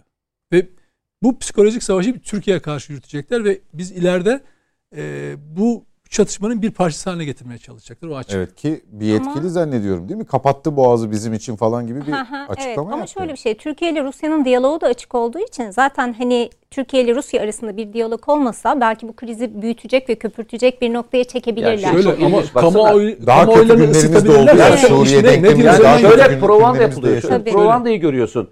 İşte e, Rusların e, Suriye'de askerlerimize şehit etmesinin emrini veren komutan Ukrayna'da öldürüldü. falan. Gibi. Yani mesela Yani Türklere düşünebiliyor musun? Böyle Tabii şeyler aldık. falan şey ders vermek evet, Ukraynalıların tabii. haline düşer mi? Kesinlikle. Düşmez. Ölçütlerden. psikolojik savaş yani. Bunu Doğru. yapacaklar. iyi okumak lazım. İyi gerçekten Peki. biraz bir adım geri çıkmak lazım. Çünkü kamuoyu, kamuoylarını lazım. ısıtacaklar. Hı hı. Yönetimler buna tarafsız kalamaz. Yani siz ulusal grubunuzda ulusa, uluslararası medyada oynandığını sürekli bunun üzerine yoğunlaştığını Rusya'dan da karşı o da çünkü diyor küçük bak Türkleri görüyor musun? Senin silahını vuruyor işte Türklere sen e, şöyle davranıyorsun ama bunu yapıyor dediği zaman o kamuoyuna bir cevap vermek zorunda yönetici. Hani Putin her yönden sıkışıyor ama iç kamuoyu çok önemli onun için. Dolayısıyla bir karşılık verdiğinde siz buna karşılıksız kalmazsınız. Aynı bizim uçak düşürme hadisesi. Son dakikada açıldı farkında mısın? Bitti deyince açıldı. Yok öyle deme söz vermedin bana diyecek sonra. Yok Evet. hayır yani hani uçak düşürme hadisesi nasıl Carlo Evet. suikasti gibi provokatif şeyler bunlar. Bunlar Provokatif Peki. şeyler olabilir karşılaşacağımız tabii şey, olaylar yani. Nedim Bey çok teşekkür ederim. Çok sağ olun efendim. Ece Hocam çok sağ olun geldiğiniz için. Yine bekleriz. Teşekkür- Bize sürpriz yaptınız bu hafta. Ee, tekrarlamanızı umuyoruz. İsmail Hakkı Pekin e, komutanımıza da teşekkür edelim. Ankara Stüdyo'dan değerli görüşlerini bizimle paylaştı. Ben teşekkür ederim sağ olun. Çok sağ olun efendim. Sağ olun. Önümüzdeki hafta saatler 20.45'i gösterdiğinde yeni bir net bakışla yeniden birlikte olmayı umuyoruz efendim. Hoşçakalın.